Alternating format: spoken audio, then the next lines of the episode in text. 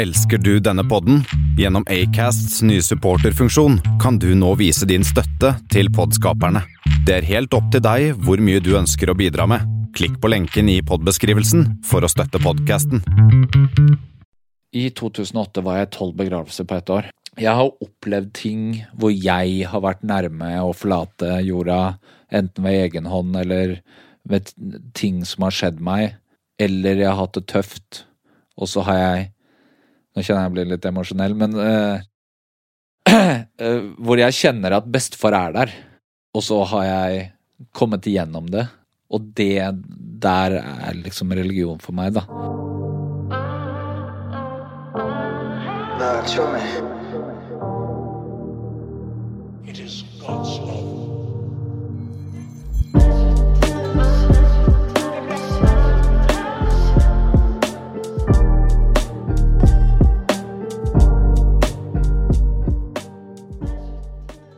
går Kedegori. Du, I dag har jeg besøk av en hardtarbeidende mann som har og fortsatt er med å prege den norske og skandinaviske urbane musikkscenen. Sjeldent har jeg møtt noen som er så fast bestemt, direkte, uredd, engasjert, kunnskapsrik og målrettet chommy som dette her.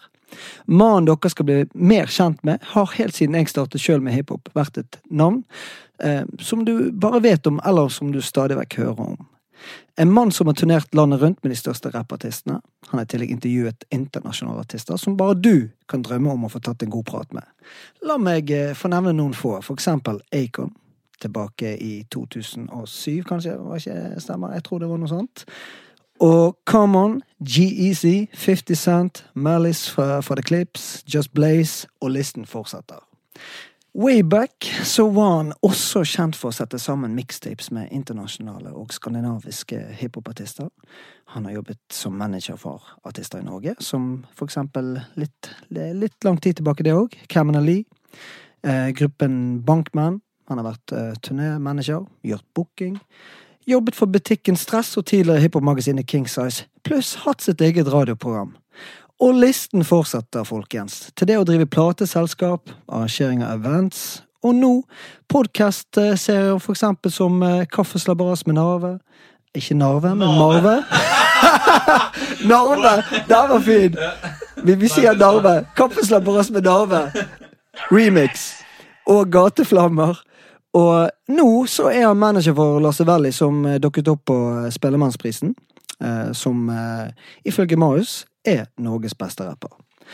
Mest kjent er showmien vi skal snakke med nå, å være han som har ideen bak, og er frontfiguren til Skandinavias største YouTube-kanal for urban musikk, hvor du så å si daglig får i newsfeeden din en rykende fersk musikkvideo i regi av YLTV.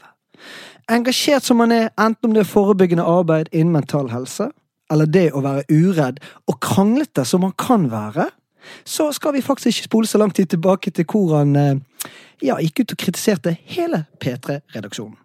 Noe som førte til en god del snakkis, og ikke minst noen positive endringer i etterkant av dette.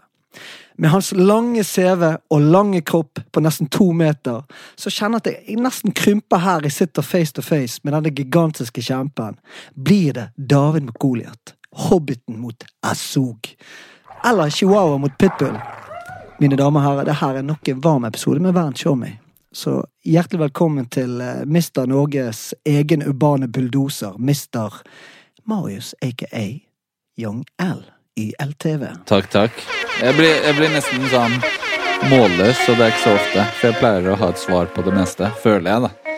Så nei, det er, eh, det er deilig når andre sier det. Det, er ikke like det hadde ikke vært like kult om jeg sa det der selv.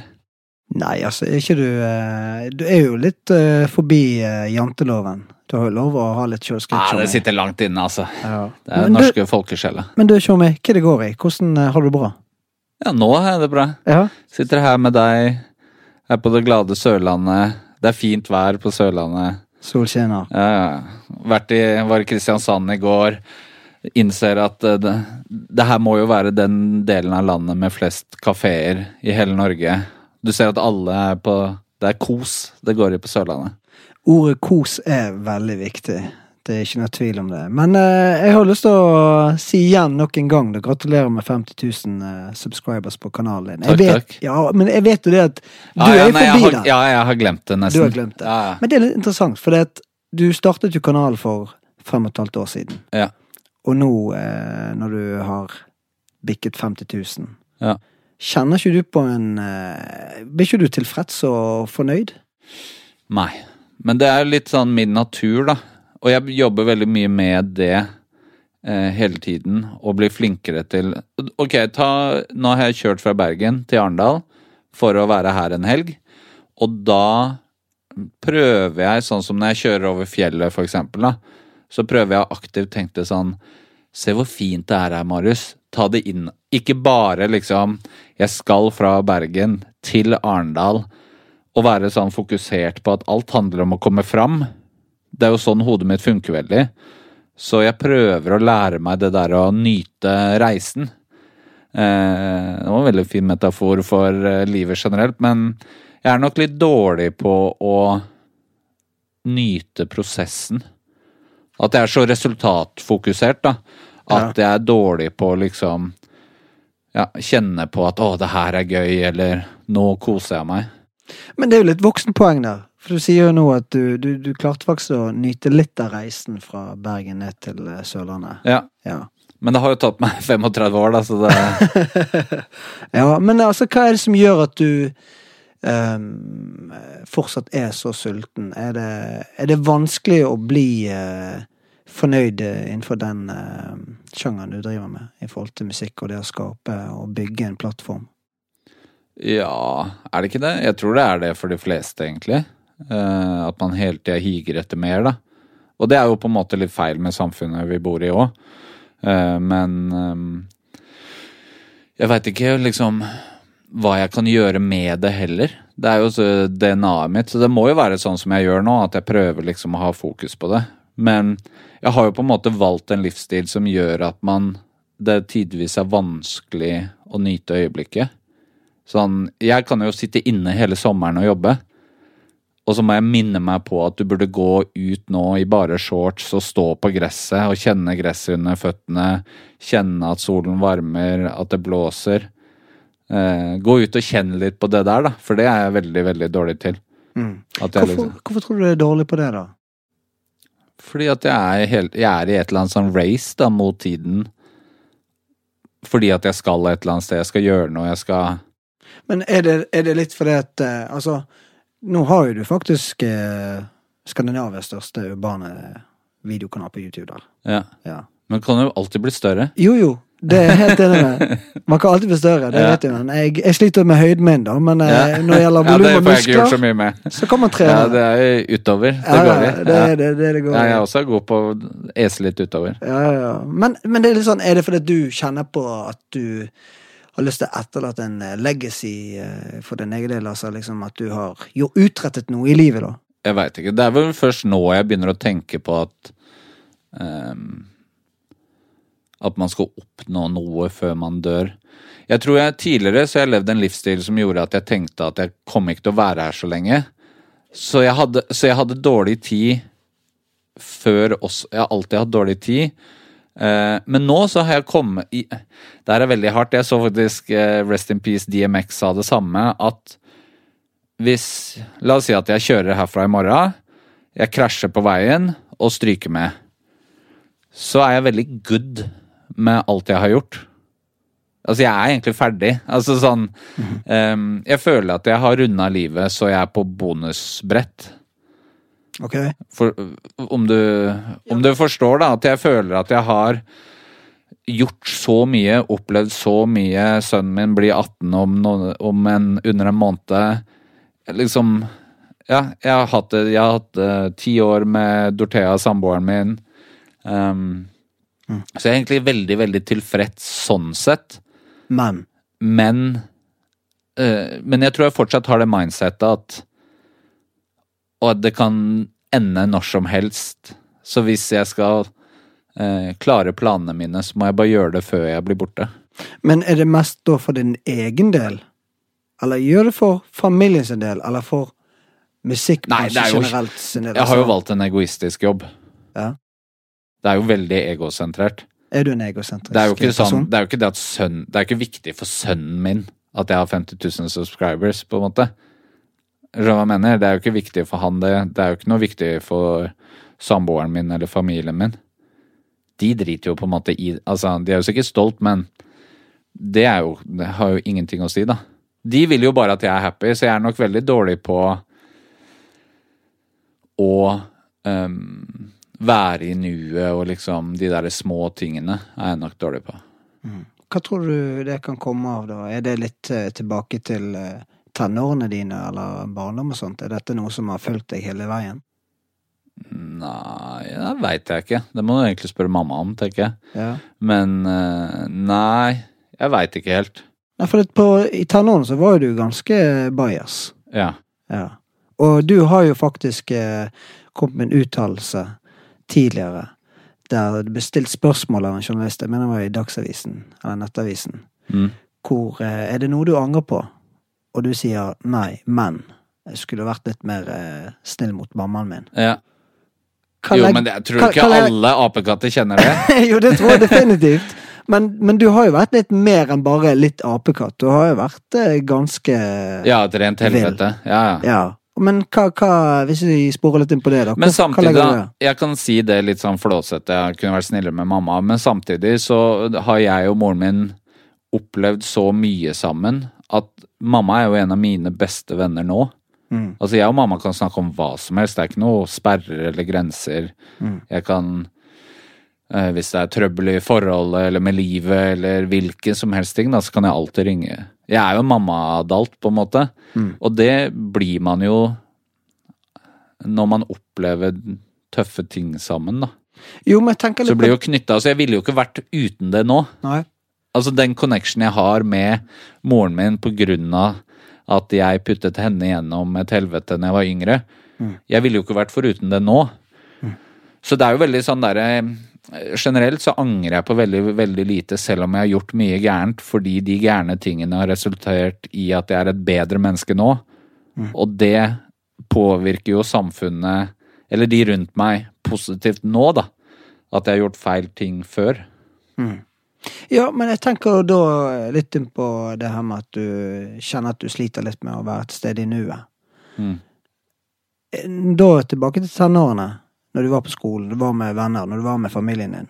Var du like rastløs? Og klart, men når man er, når man er tenåring, så løper jo alle hormoner løpsk, selvfølgelig. Ja. Men var du en person som kanskje var ekstra og sleit litt med det her med at du Det å være til stede, rett og slett? Ja, kanskje. Ja. Rastløs, da. Rastløs? Ja. Jeg vil gjøre ting. Var det i, hvor gammel var du når du begynte med musikken og ble introdusert for hiphop? Uff. Altså, jeg har hørt på rap nesten hele livet, fra jeg var barnehage. Mm. Eh, så rappen har vært der hele tiden, men fra jeg har involvert meg i kulturen Ja, I det Eh. kreative, liksom? da? Ja, Ja. da begynte det jo med graffiti. Ok, ja. Og det var jo for meg som eh, ha, har alltid vært opptatt av eh, tegning og maling og kunst. Eh, og så plutselig å være full av ekstra bokstaver og ekstra energi. Um, og da plutselig finne en hobby som er Det er kunst, men det er også noe forbudt. Og også noe som, uh, som krever mye adrenalin, da Uh, var jo en blessing, på en måte. Og så rebellen i meg òg, liksom. Fuck samfunnet og systemet og NSB og Oslo Sporveier og Det var jo det var jo beste, hva skal man si, terapien, da. Um, så det begynte med det, og så via graffiti, fordi at da var det jo veldig sånn hiphop-sentrert med fire elementer. Så kom jeg i kontakt med folk som gjorde de der andre tingene, da. Og så rappa jeg litt selv i 99. Men du ga deg kort. tidlig? Ja, ja, Ja. Med en gang. Hva så gjorde, for Du har jo uttalt mange ganger at veldig mange rappere skulle gitt seg tidligere. Og hatt litt mer eh, selvinnsikt. selvinnsikt, ja. ja. Og, så du vil si at du hadde ganske bra selvinnsikt, du, da? Du var tidlig ute og begynte å rappe, så tenkte du Hva som gjorde at du da hoppet av det toget? Nei, det hørtes ikke bra ut. Altså sånn Enkelt og greit. jo, men, Var det engelsk eller norsk? Norsk. Norsk, okay. Og, men jeg tror også at um, Jeg var jo omringet av andre som var flink. Ja, hvem da, for eksempel? Ja, det er ingen som er noe nå, på en måte. Eh, men de var flinkere. Um, og så Også på den tiden sånn Hadde jeg vært 18 år nå, så hadde jeg rappa. Fordi det er, det er ikke så høye krav lenger, på en måte. Da var det liksom I 99 så var det jo Jeg pleier å sammenligne det å skrive rap i 99 som å gjøre mattelekser. Du skulle jo ha så mange stavelser, og det skulle være så struktur og Ja. Ikke sant? Det ble Ikke sant? Så det gikk jo ehm, Hva skal man si? Teknikk gikk på bekostning Eller tekst gikk på bekostning av teknikk. Mm. Ikke sant? At du skulle Det skulle være teknisk, så man sa ingenting. Skjønner du hva jeg mener? Mm. Jeg er veldig glad i rappere som sier mer enn teknikken. Jeg mener, jeg mener at jeg er glad i mindre tekniske rappere, men som putter mer av seg og sitt inn i rappen, da. Mm. Skjønner du hva jeg mener? At de Jeg vet ikke, sånn Little Boozy, da. Han er ikke noe teknisk rapper. Liksom teknisk dårlig. Men han um, putter så mye av seg og sitt liv og følelser inn i musikken. Kevin Gates er også et godt eksempel på det, hvor um, det toucher meg på en eller annen måte, da. Yeah. Mens da så var rappen i Norge var Det var veldig lite personlig. Det var veldig lite ekte følelser. Det var sånn Folk rappa om å rappe. Ja, ja. Hva mener jeg? Det var lyriske rimkanoner og sånne derre Ja. helt nerdete greier. Som bare gikk på bekostning av det ekte, da. Men altså, du nevnte jo nå i sted han som eh, En av mine store forbilder tilbake i tid. DMX. Mm. For han har jo blitt kritisert veldig for teknikk, men han er jo definitivt en som hadde delivery i forhold til eh, budskap. Ja. Og, og, og tok følelsen Følelsen kanskje en av de som har klart å gjøre det best. Ja, eller så kan man ta sånn uh, have, um, Herregud, ikke Prodigy fra Mob Deep. Ja. Han er jo en rapper som nesten aldri rimer. Ja. Hvis du hører på hans tekster, så rimer han sånn en gang iblant. Men tekstene er så eh, ufiltrert og direkte at eh, det blir bra, da. Ja, i tillegg tenker jeg litt det der med at uh, Det du sier der, men det er jo òg litt det med Jeg husker når jeg eh, fant uh, Oppdaget musikken, altså hiphop, da. Mm. Så var det ofte Det var beaten, og det var vokal. Ja. Stemmen, ikke sant? Ja. Jeg var ikke så heller så opphengt i at det var, skulle være så avanserte uh, rhymes og, Nei. og flerstavelsesrim og alt det her greiene. Men, men det var liksom denne vokalen. Ja. Ja men, det der, det- men det drepte meg helt, de der reglene og alt Og de der Ja. reglene. Ja. At det skulle være sånn og sånn, og det bare Jeg døde helt av det. Men følte du at folk eh, ga uttrykk for at du var dårlig, liksom? da, eller? Nei, men det var, var det så mye regler at det var så komplisert, liksom. Ja. Uh, jeg tenker bare det jeg, jeg er så glad for at unge mennesker i dag har ikke noen regler å forholde seg til. Mm. De bare lager musikk. Og om det er den stilen eller den stilen, eller de gjør det på Ikke sant? Det er ikke noe re De reglene er borte, og jeg er så glad for det, da. At det er bare eh, Du kan ha Kjartan Lauritzen som rapper om at det er fredag og nå er det helg, eller du kan ha eh, noen sånn trap-rappere som bare rapper om de gatetingene, eller ja, det bare Alle de der dustete reglene er borte, da. Og det er jeg veldig, veldig glad for, selv om jeg elsker jo hvis folk klarer følelse og tekst. Ja. Eller teknikk, da. Det Det er, kanskje- jo det er vel- kult. Det er kanskje derfor du er manager for Lars Velle, men det kan vi komme litt tilbake inn til, da. Ja. For det er jo en kar som definitivt kan både rappe og uh, bruke følelsene. Men, Ja. men litt da, når du da hoppet av det Det er vanskelig Ja, å det- holde det- en rød tråd med meg, altså. Jeg vet det. Nei, Ja. men det, det går fint. Men altså, uh, jeg tenker litt på det at du, du har selvinnsikt. Du Mhm. hopper av. Men sånn som jeg kjenner deg, Omar, så er du en mann som oser av trygghet på seg sjøl. Altså, du, er, du har selvtillit. Du har et selvbilde som er på stell. Ja. Ikke sant? På den tiden der, vil du si at du hadde et selvbilde som var på stell, i og med at du, du, du så det, innså det at eh, jeg kan ikke rappe, jeg bare, det driter jeg i. Jo, men jeg, okay, men jeg kan Ja. forklare deg, for jeg har alltid vært sånn at hvis jeg ikke får det til med en gang, så fuck it. Okay. Så jeg kan ikke stå på skøyter. Ja. Jeg kan ikke stå på slalåm, for det fikk jeg ikke til med en gang. Ja, Men vil du si at du gir opp for fort, eller er det rett og slett du Nei, men mer sånn at hvis jeg ikke vil det nok, så gidder jeg ikke å prøve heller. Okay. Skjønner du hva jeg mener? Ja. At eh, hvorfor kaste bort tid? Da jeg er veldig sånn Jeg liker ikke å kaste bort tiden min. Nei, og det er hva mener at jeg Ok, for eksempel første gang jeg testa skøyter, da, så fikk jeg det ikke til. Datt masse, slo meg, ble forbanna. Og så tenkte jeg sånn, vil jeg stå på skøyter? Nei, det vil jeg ikke. Ok, men da bare dropper jeg dette. Og så gikk jeg hjem, og så sa jeg til mamma skøyter er ikke for meg. Og så måtte hun si til skolen at Marius nekter å stå på skøyter, selv om det er i gymplanen, på en måte. ja, ja. Så sånn har jeg vært hele livet, at jeg gidder ikke å prøve å lære meg ting jeg ikke er interessert i, bare fordi at man må det, eller ja, men da, hvordan gikk det da på skolen? For var du, en, var du han kisen som For du er ganske kunnskapsrik, i i hvert fall i forhold til det du driver med. ja. Skole, da. Nå skal jeg si noe som er veldig, veldig kaki.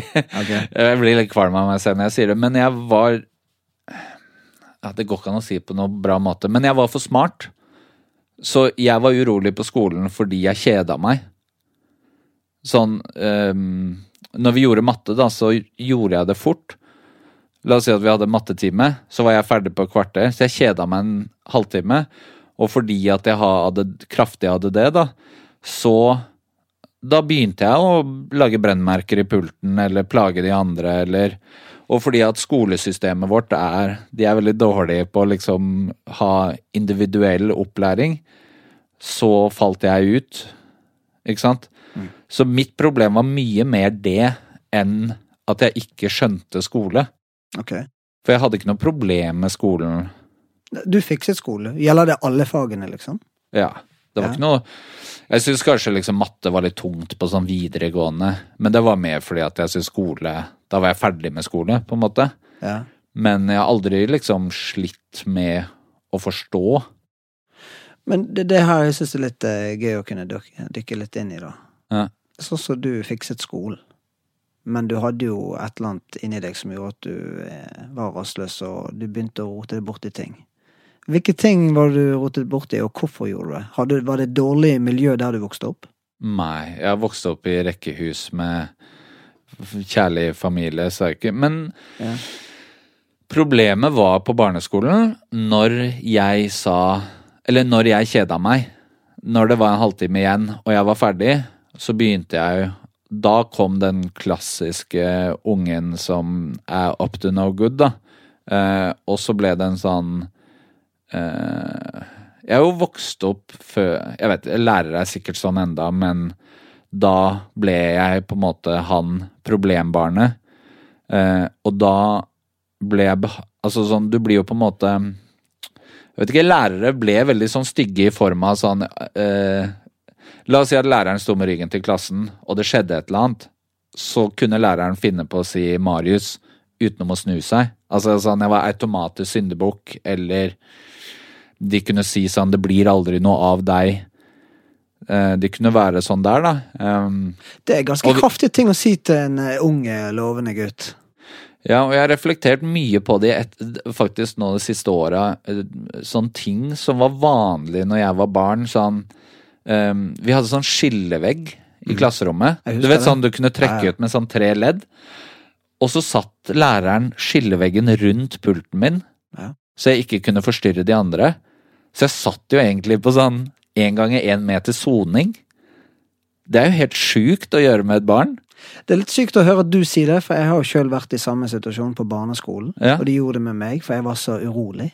Men nå skal ikke jeg spore av der. Nei, men, men, det, det, men også, de kunne også liksom Hvis jeg var for mye, da, så måtte jeg sitte på en stol på sida av lærerpulten Mm. og jobbe med Det var veldig mye sånn. Eller at jeg kunne få beskjed om å gå på gangen og sitte Mm. på gangen og vente til de andre var ferdig. Og det er jo sånn, Jeg tenkte ikke så mye på det nå, men jeg har tenkt på det i det siste at det er jo helt sinnssykt å gjøre med et barn, da. ja. At du isolerer og liksom Eller at du Jeg måtte være mye på grupperom. Sånn som jeg gikk på ungdomsskolen, så Så fikk jeg e mye egenundervisning på eget rom. Eh, og liksom Jeg hadde jo spesielt en lærer som ikke tålte meg. Så han eh, Og jeg tror jeg hadde han i naturfag, matte og norsk, eller et eller annet. Og han bare automatisk sendte meg på grupperom. Mange ganger alene, da. Um, og da Jeg vet ikke, da syns jeg det var chill. Ok? Så du, du, du gikk ikke ned i kjelleren, da? Du begynte ikke liksom å grine og føle at du var mislykket? Nei, men, du var men jeg innser jo kanskje nå som voksen at det har prega meg litt, da. Ja, på hvilken måte, da?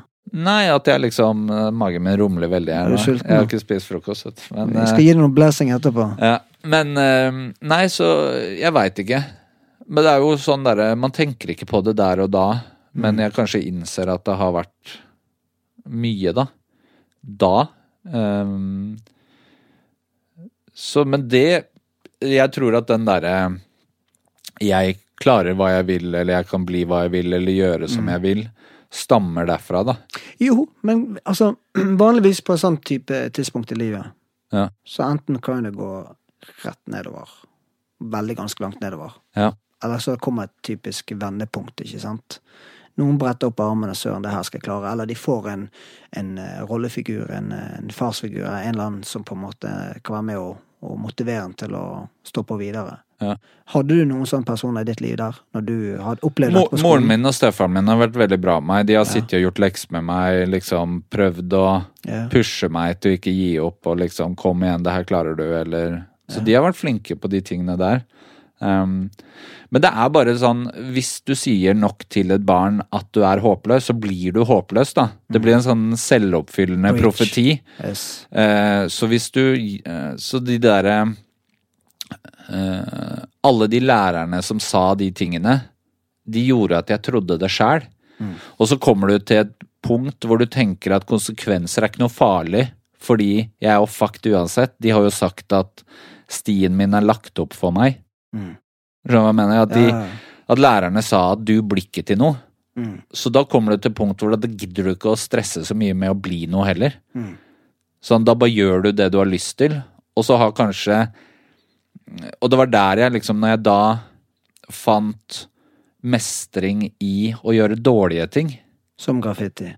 som vold Vold. Jeg var god til å slåss fra okay. barnehagen av, okay. og jeg var villig til å gå fordi at ehm, uh, Hva skal man si?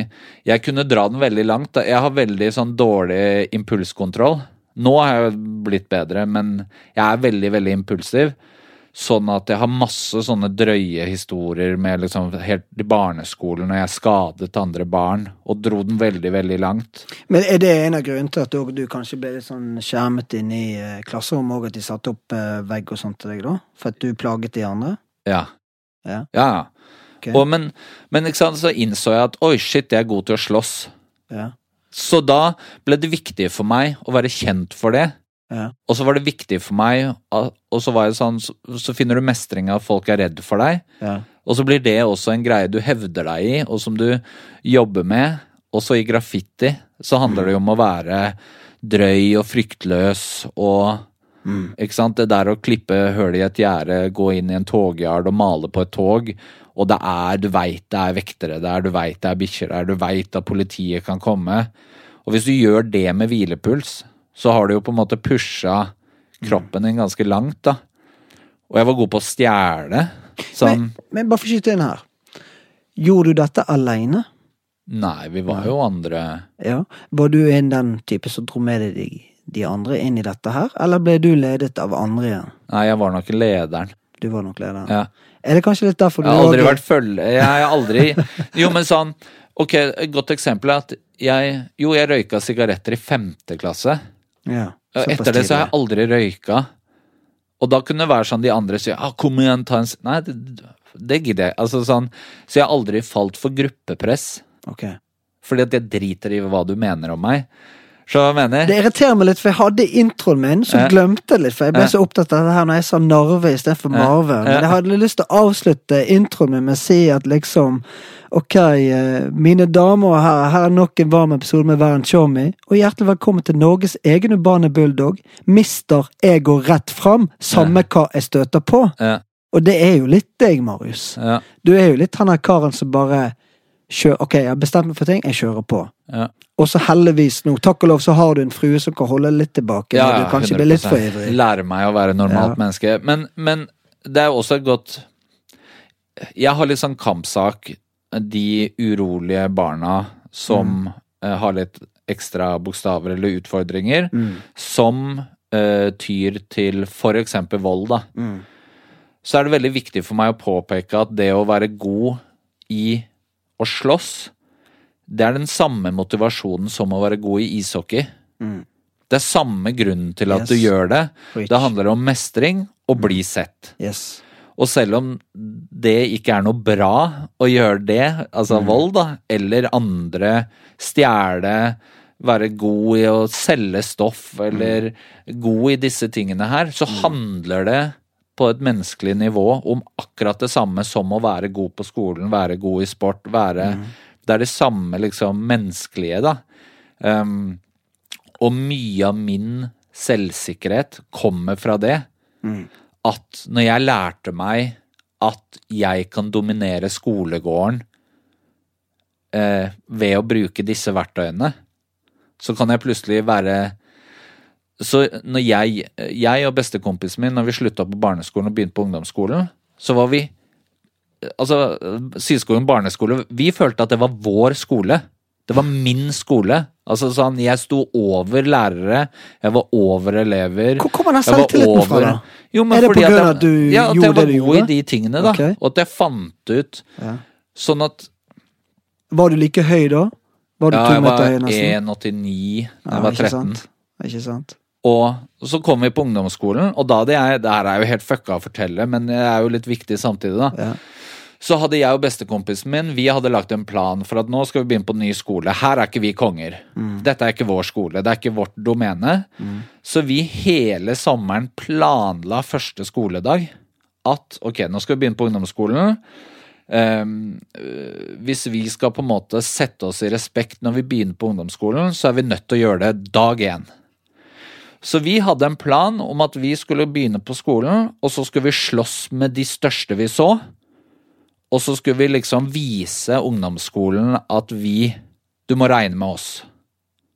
Eh, så vi, første skoledag, og vi havna i hver vår klasse, det var litt sånn score i planen, da. Eh, og i første storefri så gikk vi ut i bakgården, fordi eh, Slemmestad ungdomsskole er bygd i en sånn ved.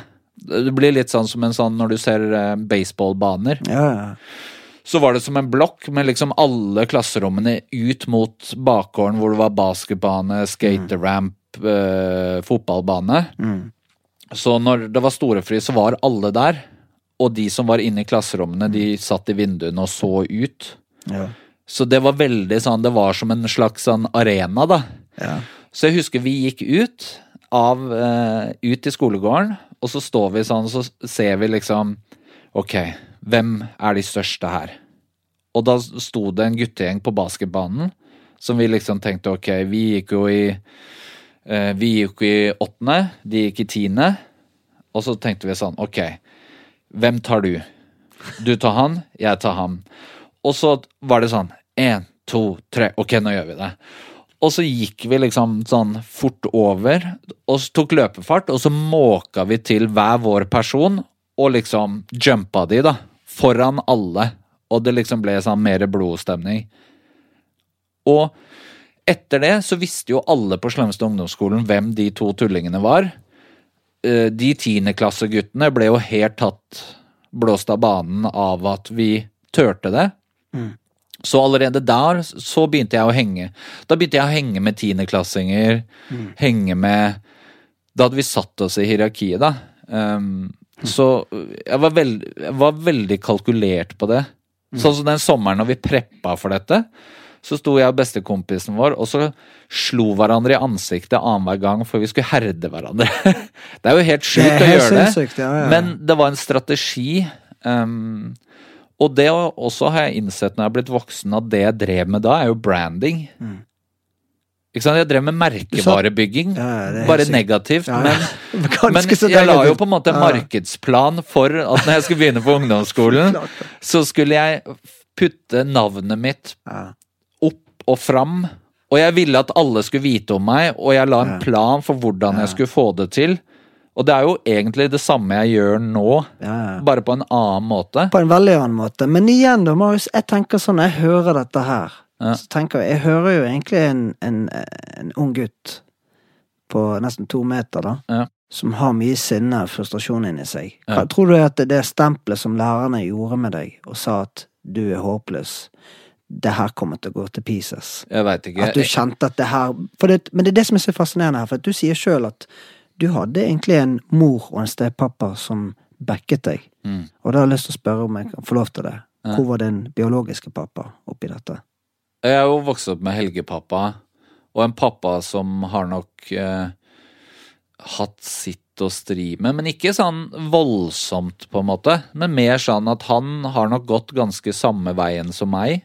Eh, han er eh, Han er dysletiker, og det var ikke noe fett på 70-tallet. Da ble du jo kalt dum. Du ble mobbet. Ja. Eh, så han har nok hatt sin sti å gå med. Og vi har jo vokst opp på samme sted, så jeg har jo hørt historier om han at vi var veldig like, da. Det var mye av det samme og mye av liksom de her tingene. Ja, og Noe som du hørte nå i seinere tid, eller som du hørte da? Både da og i senere tid. Okay. Eh, men pappa har vært eh, Pappa er eh, helt fantastisk. Han er kjærlig pappa, men ikke med ord og ikke med følelser, men med handling. Da. Så for pappa sin måte å si 'jeg er glad i deg', er å komme hjem til meg og så henge opp et bilde eller hjelpe meg med å snekre. Ja. Så han er fra en helt annen skole, da. Så du hadde en god relasjon med han på den tiden der? Ja, det hadde jeg. Men det var nok litt sånn kaos før faren min traff stemoren min. Men det, det, jeg var ganske ung når de traff hverandre, så jeg, Men samtidig, jeg har vært litt sånn Jeg er litt usikker på om det kanskje er genetisk. Mm. Fordi jeg slåss i barnehagen. Jeg stjal i barnehagen. Jeg rømte fra barnehagen. Sånn, jeg har en historie fra barnehagen hvor jeg klipte hull i gjerdet i barnehagen og dro med meg fem andre barn på kjøpesenteret som Ja, men skjønner hva jeg mener? Og det er liksom Det er så tidlig Ja, at det ganske tidlig. og en av mine eldste venner, uh, Skjæra til Jon, eh, han, hans eldste minne med meg er at jeg slåss med et annet barn i barnehagen som het Julius, som jeg ikke tålte trynet på. Og hans eldste minne er at vi er i sandkassa, jeg holder Julius nede og roper til Jon 'grav et hull, vi graver han ned'. Wow. Og da er jeg seks år, kanskje. Det er ganske mørke tanker og handling her som er Ja. rimelig langt over grensen. Altså, Ja. Og du sier igjen, så sier du at du hadde mamma og en stepappa som var der for deg. Ja. Så du skjønner ikke helt hvor dette her Nei. eh, sinnet og Nei, disse her eh, grensesprengende tingene du Jeg gjorde kutta også et annet barn på, nei, på barneskolen. Jeg sloss. Ja. Og så gikk jeg inn i klasserommet, og så tok jeg, skrudde jeg av bladet på blyantspisseren. Ja. Og så gikk jeg tilbake, og så snitta jeg han i ansiktet. Ja. Og da ble det jo Og, og jeg husker jeg satt på rektors kontor og dingla med beina. Og liksom Hei, du kan ikke kutte et annet barn. Men i forhold til dette her, da, Marius, for Ja. at, du har jo en hjertesak for de barn og ungdommene som har utfordringer på Mm. skolen. Og det ser jeg òg gjennom YLTV. Du har et Ja. hjerte for eh, Jeg ser ofte når du legger ut en post av en ung, ny rapper, Mm. så skriver du 'lillebroren min'. Ja. Sant? Du har omsorg Ja. for de andre. Tenker du at på den tiden der så var man Du var jo egentlig litt innom i i stedet, men at folk var ikke flinke til å fange opp dette her? Altså i forhold til ja men vi har ikke noe system for det. Nei. Det er det sier som er vi ikke har noe system i dag heller? Nei. Nei. Hva tenker du vi kan gjøre da? Fordi vi dømmer eh, fordi, Og dette, vi snakket jo litt om dette i går kveld, etter middagen, at eh, vi som samfunn er veldig dårlige til å se det gode i folk som gjør dårlige ting. Ja. Ikke sant? Vi, har et, vi, vi lever i et samfunn hvor folk enten er bra eller dårlig. Mm.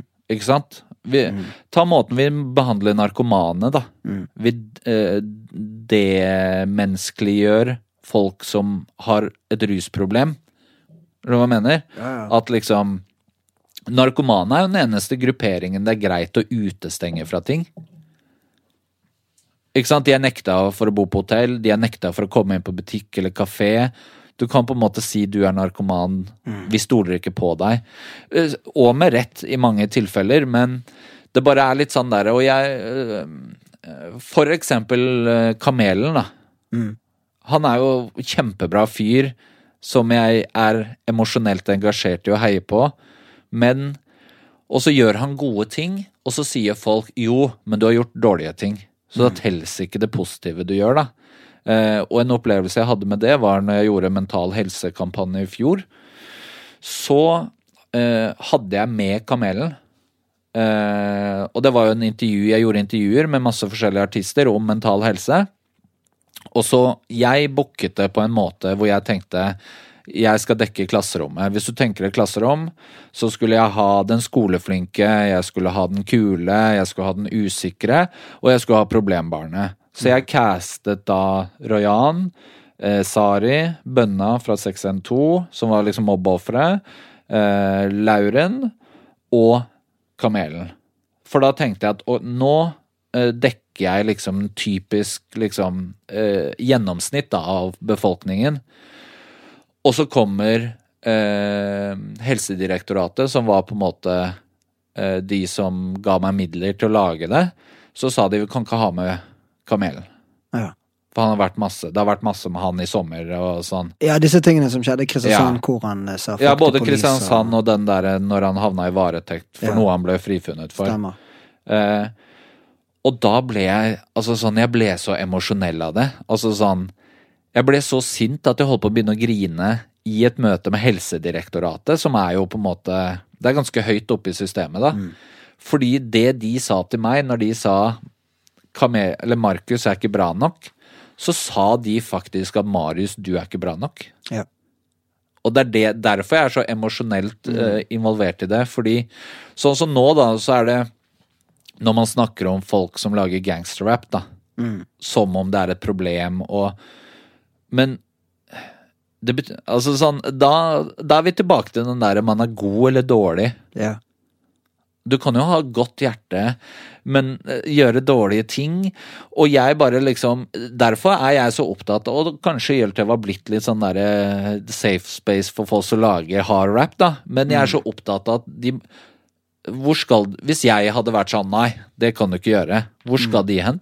Men Hvor skal de være hen, på en måte? jeg syns det er veldig fint at du deler disse tingene, for det, da kan kanskje folk som For det er jo veldig mange som kritiserer nettopp deg for at du putter ut så mye skimask, og folk Ja. som på en måte fronter våpen, vold, gatementaliteten. Men det du sitter her og sier, er jo at dette er jo vanlige eh, unge gutter som kanskje De har må jo litt få en sjanse. Ja. Noen må ta dem på alvor. Ja. Noen må gi dem en plattform. Yes. Og så kan de vokse som mennesker. Så Tenk om noen hadde sagt Ta Fela, da. Mm. er et godt eksempel. Hvis du tar Fela som rapper nå. Han er eh, skuespiller, han er fantastisk pappa. Mm. Shout han feil, altså. lager kjempebra musikk, har gode verdier, bryr Yes. seg om ungdom. Mm. Men hva om han hadde blitt boikotta når de var breaknecks og lagde gangsterrap? Da var- hadde vi ikke hatt den Fela vi har i dag. Nei, nei, nei. Hvis noen hadde skjøtta han ned. Mm. Tenk om folk hadde sagt de, eh, nei takk til XS. Mm. XS lagde gangsterrap.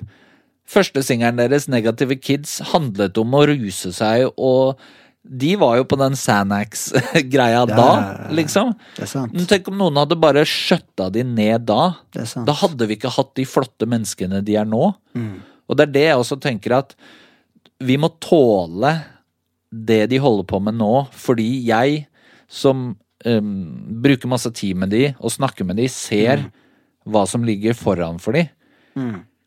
Ikke sant? Når du er 18-19-20, du tenker ikke at eh, Du tenker ikke at du skal rappe om medaljens bakside. Det kommer jo senere. Men, men det her er jo litt sånn òg at du, det med at vi er så raske til å dømme hverandre. For det er noe som du delte i går, da, for eksempel. Folk som da gjerne ser i newsfeeden sin Å ja, enda en uh, ny uh, rapplåt fra Oslo med skimask, ikke sant? Ja. Men de ser ikke kanskje For to uker siden så satt Marve og snakket med nettopp en av disse gutta her om at du prøver å holde deg unna eh, disse tingene her, Nei. bla, bla, bla, bla, ikke sant? Ja. Å holde deg fokusert nå. Nå har du en sjanse til å komme opp og fram med musikken din. Du har et sykt bra talent. De ser ikke den der mentorbiten som du av og til Nei. gjør, da. Og, Men det må jeg bare tåle, tror jeg. Ja, men det er jo det jeg tror at Litt tilbake til din bakgrunn der du var på barnehage, skolen, Mm. og gått gjennom det og banet din vei, da. Sant? Du har hatt mye tåleevne. Gjør at du nå som en pioner kan stå i front via YLTV og faktisk tåle at folk skyter skudd mot deg. Mm. Det, Men, men det er- det samtidig så må jeg prøve å kvele impulsen til å angripe de som angriper meg, da. Altså sånn, Ja, det godt poeng, jo godt poeng, sånn, er, godt jeg, poeng. Noen ganger så glipper det Ja. litt, men det er noen kommentarer hvor jeg tenkte sånn Jeg har så lyst til å klaske deg, din tosk, liksom. Ja, ja men, er ok, men da vet du, Der kommer du sier du har lyst til å klaske ned, ikke sant? For du kjenner at det koker innvendig. Ja. På Men det måte er jo fordi at jeg er emosjonelt investert, og at jeg føler at det er urettferdig. At folk sier sånn jo, men du pusher kriminell kultur. Så er det sånn, for det første, jeg har lengre rulleblad enn 90% av de her kidsa. Så da er du tilbake til å si at jeg ikke er bra nok. Og så er det også sånn, som du sier, de ser ikke hva jeg gjør. Nei. Så jeg må forsvare deres inntrykk. Mm. Men samtidig, jeg har en coping-mekanisme til det her. Og det er at jeg går inn på VG, og så går jeg på Facebook, og så leser jeg kommentarfeltet på en eller annen sånn bomring, eh, Miljøpartiet De Grønne-sak. Og så ser jeg hva folk klarer å lire av seg om det. Ja, Og så tenker jeg sånn, hvis de har sjuke meninger om det, da har de sjuke meninger om meg òg, og det må jeg bare tåle, da. ja. Men det krever ganske mye av en person som er vant til å dra hjem til folk du har beef med. At jeg bare Jeg skal bare tåle. Ja, for det Du, Marius. Jeg, jeg fant noe veldig artig her. Ja. Jeg gjorde research, vet du. ja nå er jeg spent. Du, det her bildet her, Ja. Ikke sant? Ja. Du skriver her 'Dette blir coverbildet til min selvbiografi'. Her Ja. har du et lite lurt smil, rødsprengte øyne, knekt nese, Haugesund, 2015. Jeg har faktisk knekt kraniet på det bildet. Ja, såpass. Men altså, hvordan i alle dager har du klart å, da, å jobbe med For du har jo hatt et temperament, ikke sant? Ja. Hvordan har du klart å, å jobbe med dette? Hva kan du si til disse her unge gateguttene som eh, har ja, kanskje tydd til litt ekstreme handlinger noen ganger. Hva kan du gi i forhold til råd til de, da, i forhold til å klare å jobbe med seg sjøl, og ikke eh, klasse ned folk på gaten og en og andre? Ja, men det er bare det der at Men ikke sant, det er det som er konflikten, da. Fordi eh, det er jo en klassiker når jeg gjør intervjuer. Så er det mange intervjuer jeg ikke har lagt ut fordi de rapperne føler at de ble for personlige, de ble for myke, de viste menneskelighet da, i intervjuet. Og så sier de ja, men jeg kan ikke putte det ut fordi det er svakhet på gata. Ikke sant? At eh, PR-messig, det beste for en eller annen gangsterrapper hadde vært å gå på YLTV og le høyt og vise at de har humor, at de er eh, sårbar, kanskje gråte litt. Det hadde vært det beste for at folk flest skal like de. Men så må de tilbake til sitt miljø, hvor det er det verste du kan gjøre. Ja, det skal du sterk. Jo, men så hva Ja, jeg mener? Sånn, ta ego, for eksempel, da. Ja. Nå, når er, men nå når han er voksen, så kan han lage musikk om de vanskelige tingene. Man kunne jo aldri ha gjort det når man var 18 år. Han kunne ikke ha sittet på YLTV og sagt at ting har vært tøft. Mm. For det er svakhet. Så, så man må også huske på det der det er Verden er ikke svart-hvitt, verden er i gråtoner. Ja, Og folk flest, og veldig ofte de som kritiserer, Ja. de lever i en svart-hvitt-verden, så de evner ikke å se nyansene. Det er ikke så enkelt. Jeg kan ikke bare skjønne hva jeg mener? Så, så det, er ikke noe, det er ikke noe lett Det er ikke noe ting jeg kan si som gjør det bedre for de kidsa heller. Nei, jeg tenker egentlig bare... jeg mener? Jeg må bare være en trygg voksen Ja, som, som forsvarer de, ja. og som supporter de, og gir de en plattform, og tar de på alvor. Det er det viktigste jeg kan gjøre. Mm. Ja. Der hvor liksom P3 sier at dette er for mye, der hvor kritikere sier at fuck de kidsa her, de driver med noe negativt, da må jeg være det trygge plassen. Der hvor de kan komme og bli, gjøre intervjuer på lik linje med idolene sine, hvor de, de blir pusha på lik linje med andre artister. Mm. Det er jo det viktigste jeg kan gjøre. Mm. Å bli tatt på alvor. Det jeg skulle ønske noen gjorde med meg når jeg gikk på skole. Ikke sant? Man hadde jo selvfølgelig noen lærere som var sånn. Og de er jo de lærerne man har Ja. et eller annet sånn hyggelig minne med, da. Jo, men eh, ja, så, men disse her eh, Jeg tenker det at du har jo en brann for det her med mental helse, sant, og Ja. gjort et samarbeid nå med Helsedirektoratet. Ja. Og eh, jeg tenker det er viktig å si òg, som en mann, som en gutt, At det er greit å vise følelser, det er greit å kunne gråte, og, og greit å felle tårer om du føler for det. Ja. Ikke sant? Det er jo noe det at når andre som har en plattform, har muligheten til å kunne si det, ikke sant? Ja. Det, det, det, det er jo med å påvirke andre igjen at Vet du hva? Han! Han sa det! Men det Så må jeg fett, også si at sant? den der kampanjen jeg hadde i fjor, Ja. hvor det gjorde veldig, veldig mye. Mm. Altså sånn, Det veit jeg. De har fått DMs av folk, og folk har liksom åpna seg og kanskje turt å snakke til meg. Og Mm. uh, at jeg deler at jeg ikke alltid har det bra, og at jeg sliter med ting. ja, ja. Eh, og så har jeg ikke noe diagnose på det. Det kan godt hende at jeg har noe PTSD eller Ja, du var innom og sa et eller annet med ADD her. Ja, ADD har jeg. Ja, det har det, er, det er en diagnose, Det er en liksom. du har ja, det veit jeg 100 Ja. Og har, det har vært ønske om å utrede meg for å være bipolar og PTSD og sånne type ting. De to tingene er jo vel, Akkurat de diagnosene er veldig like. Postmastress og Det er veldig mange som blir får diagnose bipolar, men så har de PTSD. Ok. Ehm, og det er jo litt sånn derre, fordi i mitt Når jeg snakker om ting jeg gjorde da jeg var liten, så ler jeg det. Det er gøyale røverhistorier. Ja, Men når jeg sier det til deg, ja. som ikke er sånn, Mm. så blir det wow. Ikke sant? Det blir sånn Hei, det her Du sa det i stad. Det her er langt over grensa. Mm. Um, og da, når folk, nå som jeg er voksen, og forteller gamle røverhistorier, Mm. så har jeg begynt å skjønne at å ja, dette er ikke normalt. Mm. De tingene her er ikke Det har ikke alle opplevd. Det her er sjukt for folk.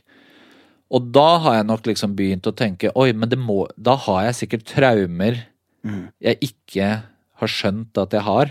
Ja, eller fått jobbet på en måte med, da. Eller Jo, fått sant? kommet fram i lyset ordentlig. Så jeg har jo snakket med mange liksom venner som har levd likt. Mm.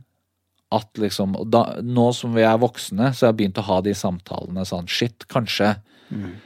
Kanskje det å fysisk skade noen har gjort at vi er prega nå, men vi vet ikke.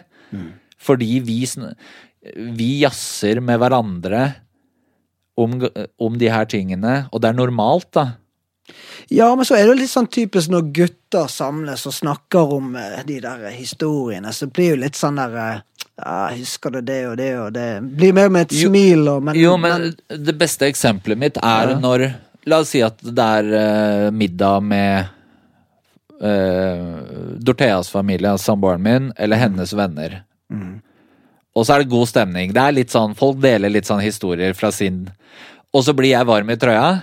Og så sier jeg 'hva faen, en gang vi gjorde sånn og sånn', og han liksom mista tenna, og, og så blir det helt stille i rommet. Det blir helt kaldt i rommet. Og alle ser på meg som Mm. Fy, du er ikke noe bra, eller eh, Stemningen dauer, da. Mm. Og jeg blir han gærningen eller idioten. Og det er en ting jeg har snakket med andre om. Har du opp, altså sånn, opplever du det? Og så sier de ja! Shit! Og det er jo fordi at da eh, eh, deler man ting som er normalt i sitt univers, og så får du perspektivet til andre. Og det er jo først da du skjønner at oi, det er ikke Det er ikke bra. Eller sånn Um, Og der har jo samboeren min vært veldig, veldig fin å ha. For hun er mitt kompass på ekte. Hun er den som sier 'Marius, det, sånn kan du ikke gjøre', eller 'sånn er det ikke'. Um, og det har jeg jo en million liksom, eksempler på at hun sjekker meg, da. Ja. At nå må du dempe deg. Sånn kan du ikke si til folk. Uh, sånn kan du ikke oppføre deg. Mm. Så hun har liksom vært så viktig en del i mitt sånn prosess av å bli han jeg er nå. Ja. Eh, ja. Ja, for det er litt sånn i forhold til Du har jo jobbet som manager og turnert rundt med veldig mange og ja, har drevet plateselskap. Ja. Sant? Altså, du sa sjøl i går Ja. Så sier du at Du sier sjøl at du er en dårlig sjef. ja Ikke jeg er sant? forferdelig. Og hva legger du i det? At jeg setter så høye krav. Jeg setter så ufattelig høye krav. Jeg tenker jo at du, sk- hvis jeg skal jobbe med deg, så må du matche meg i det jeg kan. Og det er jo urettferdig å Jeg syns det er vanskelig å skulle lære opp folk. For jeg syns det er så problematisk at de ikke bare skjønner ting. Mm. Eh, Har du skjønt alt, du, da? Nei, men liksom, jeg eh, Det er to ting jeg veld, takler veldig dårlig. Det er mennesker som kommer med problemene sine. For jeg er sånn Det fins ikke problemer, det fins bare løsninger. Så hvis du har et problem Jeg skjønner Fiks det, liksom. Ja, fiks det. Jeg skjønner ikke hvorfor du forteller meg at du har et problem. Hvorfor er ikke du langt inne i prosessen med å prøve å finne ut hvordan du løser det, når du kommer til meg? Ja. Skjønner hva jeg mener? Okay. Jeg skjønner ikke den derre um... Ja, men Ta et eksempel, da. Hvis det kommer en og sier hva, Marius. Jeg har så dårlig Jeg har det så dårlig nå. Ja, men det er noe, jo, men det er noe annet. Det er noe annet, ok. Det er 100 noe Så dette her Nei, går men bare på skills, da, eller? Nei, men la oss si Ok, jeg er hjemme hos deg, Gino, Ja. og så klarer jeg å knuse en vase. Det jeg ville ha gjort da, er å finne noe å plukke det opp med. Jeg hadde rydda opp etter meg. Jeg hadde googla hvor får jeg kjøpt ny vase til Gino. Ikke sant? Jeg hadde- jeg jo, jo, men jeg hadde jo ikke kommet inn på kjøkkenet og sagt 'Å, jeg knuste en vase'. Det er jo ikke ditt problem å rydde det opp og løse Skjønner du hva jeg mener? Du snakker om enkle ting, du, da.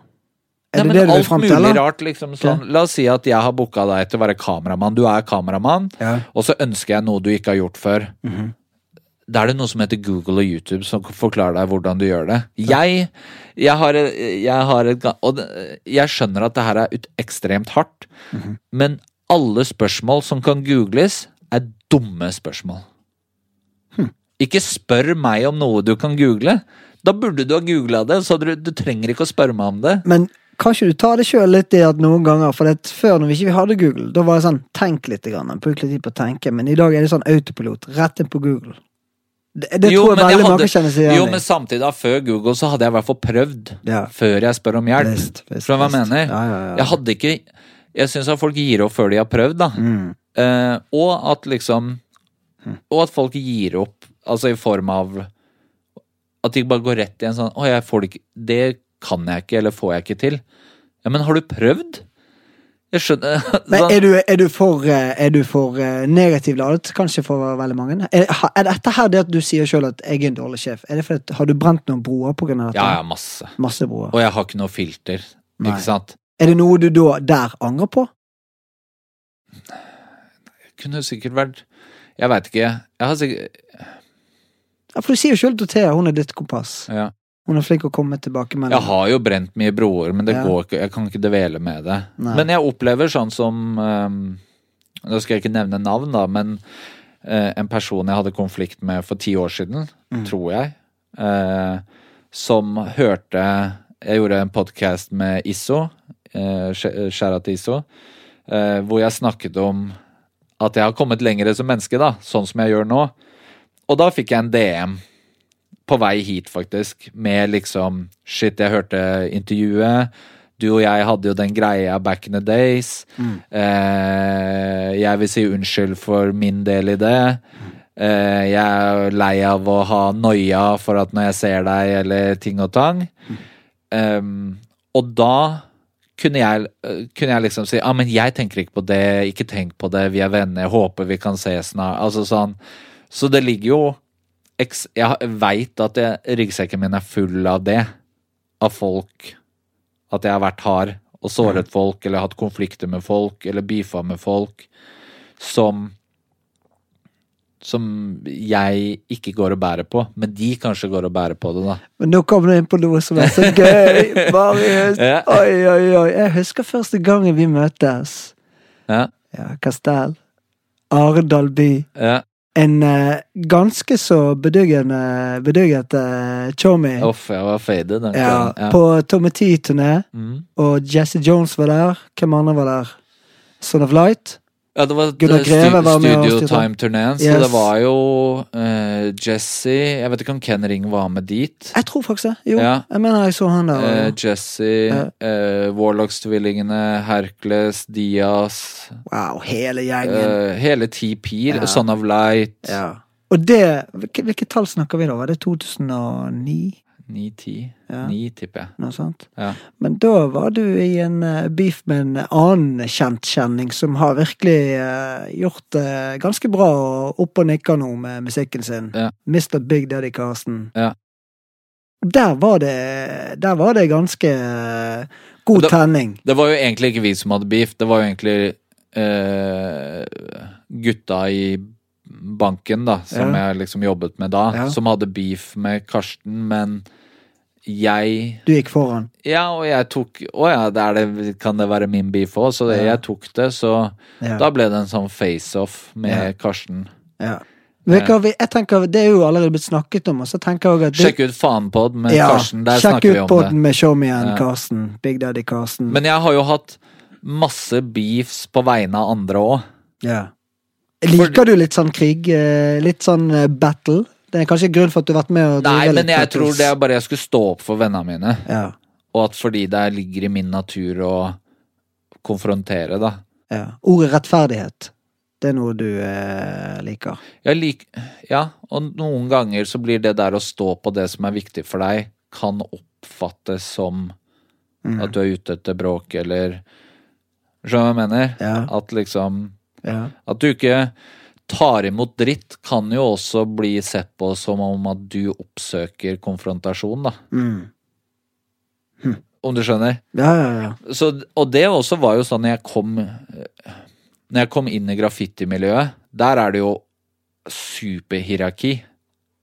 Ikke sant? Og jeg kom inn og bare fuck dere, og, og du sier at jeg får ikke lov til det, fuck det. Og jeg hadde ekstremt mye beef i graffiti. Eh, og liksom lina folk og bråka med folk og i det hele tatt. Mm. Um, ja. Men, det, men ok, men ja, du bråker med folk. Ja, og det samme når jeg kom inn i musikkbransjen òg. Ja. Det var mye regler og sånn, og jeg Ja. irriterte meg. Altså sånn Ja. Jo, men så, ikke sant Å, du må Han er den og den, du må øh, vise respekt, eller Mm. Jeg troppa opp på radiostasjoner og plateselskaper og kjefta på folk og liksom Mm. dreit i det hierarkiet. Så derfor tror jeg også at jeg tåler så jævlig godt når de her kidsa kommer og er breiale og tøffe. Mm. For jeg var sånn selv. Skjønner du hva jeg mener?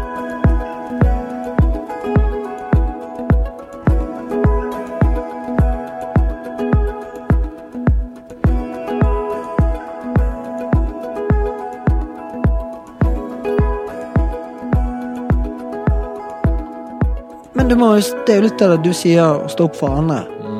Jeg har lyst til å gå inn på noe annet her. For det, eh, Det er hvor mange har stått opp for deg? Ja, men jeg trenger ikke det.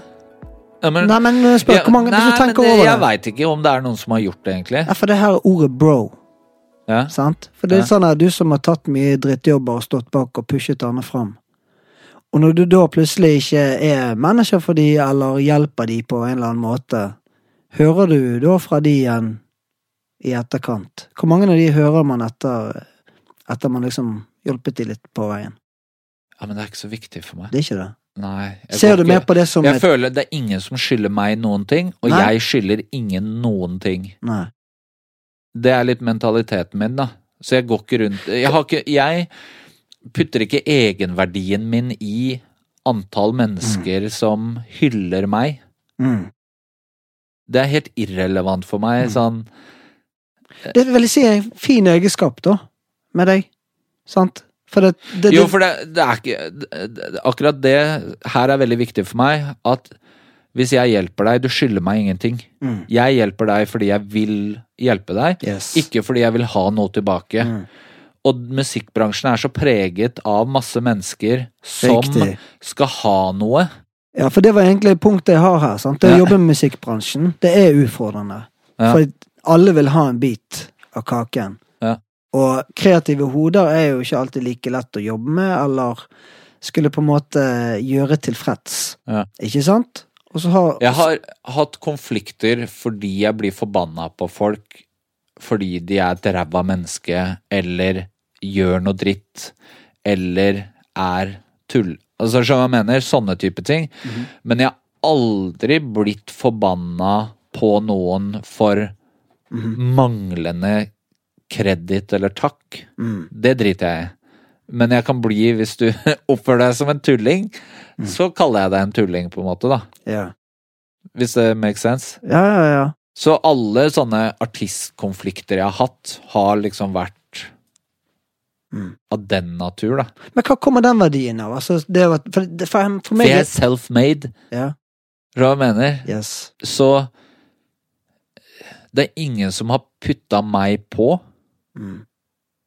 Så Du har på en måte kommet deg opp og fram aleine, og det er litt den mentaliteten Og jeg vil hjelpe andre opp, det er jo en del av hiphop.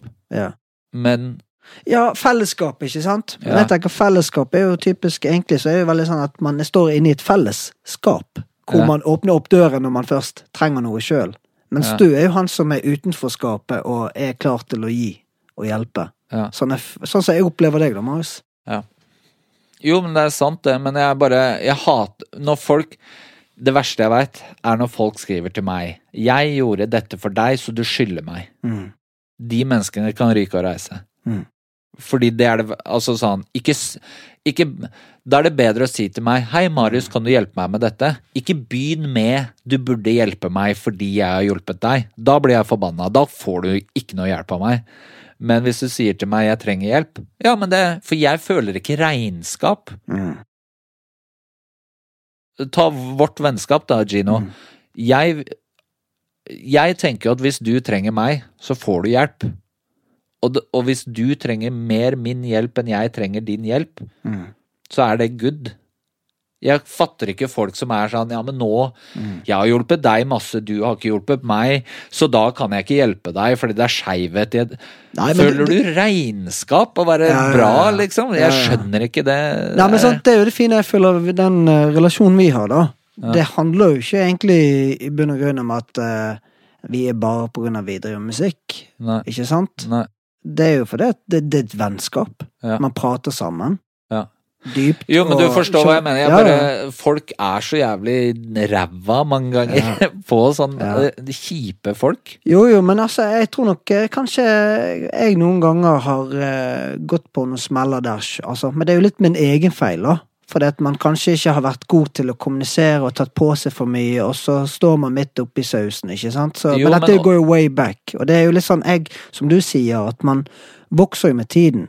Føler Men, men ok, men la oss si, ikke sant, jeg skjønner hvor du skal hen, da, og Mm. at man liksom har drevet management eller labels og hjulpet artister i starten, Mm. men i, ingen av de skal føle at de skylder meg noe. Helt enig med deg. Eh, Men, og eh, ok, så kanskje har man ikke, fikk man ikke ut av det hva man tenkte man skulle få Mm. ut av det. Hvis man regner suksess i penger eller streams eller Mm. eh, eller Men eh, om det var da jeg var en del av Schmack Crew, eller om det var banken, eller ditt eller datt, så har jeg jo fått igjen Jeg lærte jo Jeg fikk jo livserfaring av de tingene. Preach. Var i situasjoner som gjorde at jeg vokste som menneske. Det var det jeg fikk igjen Yes. for det.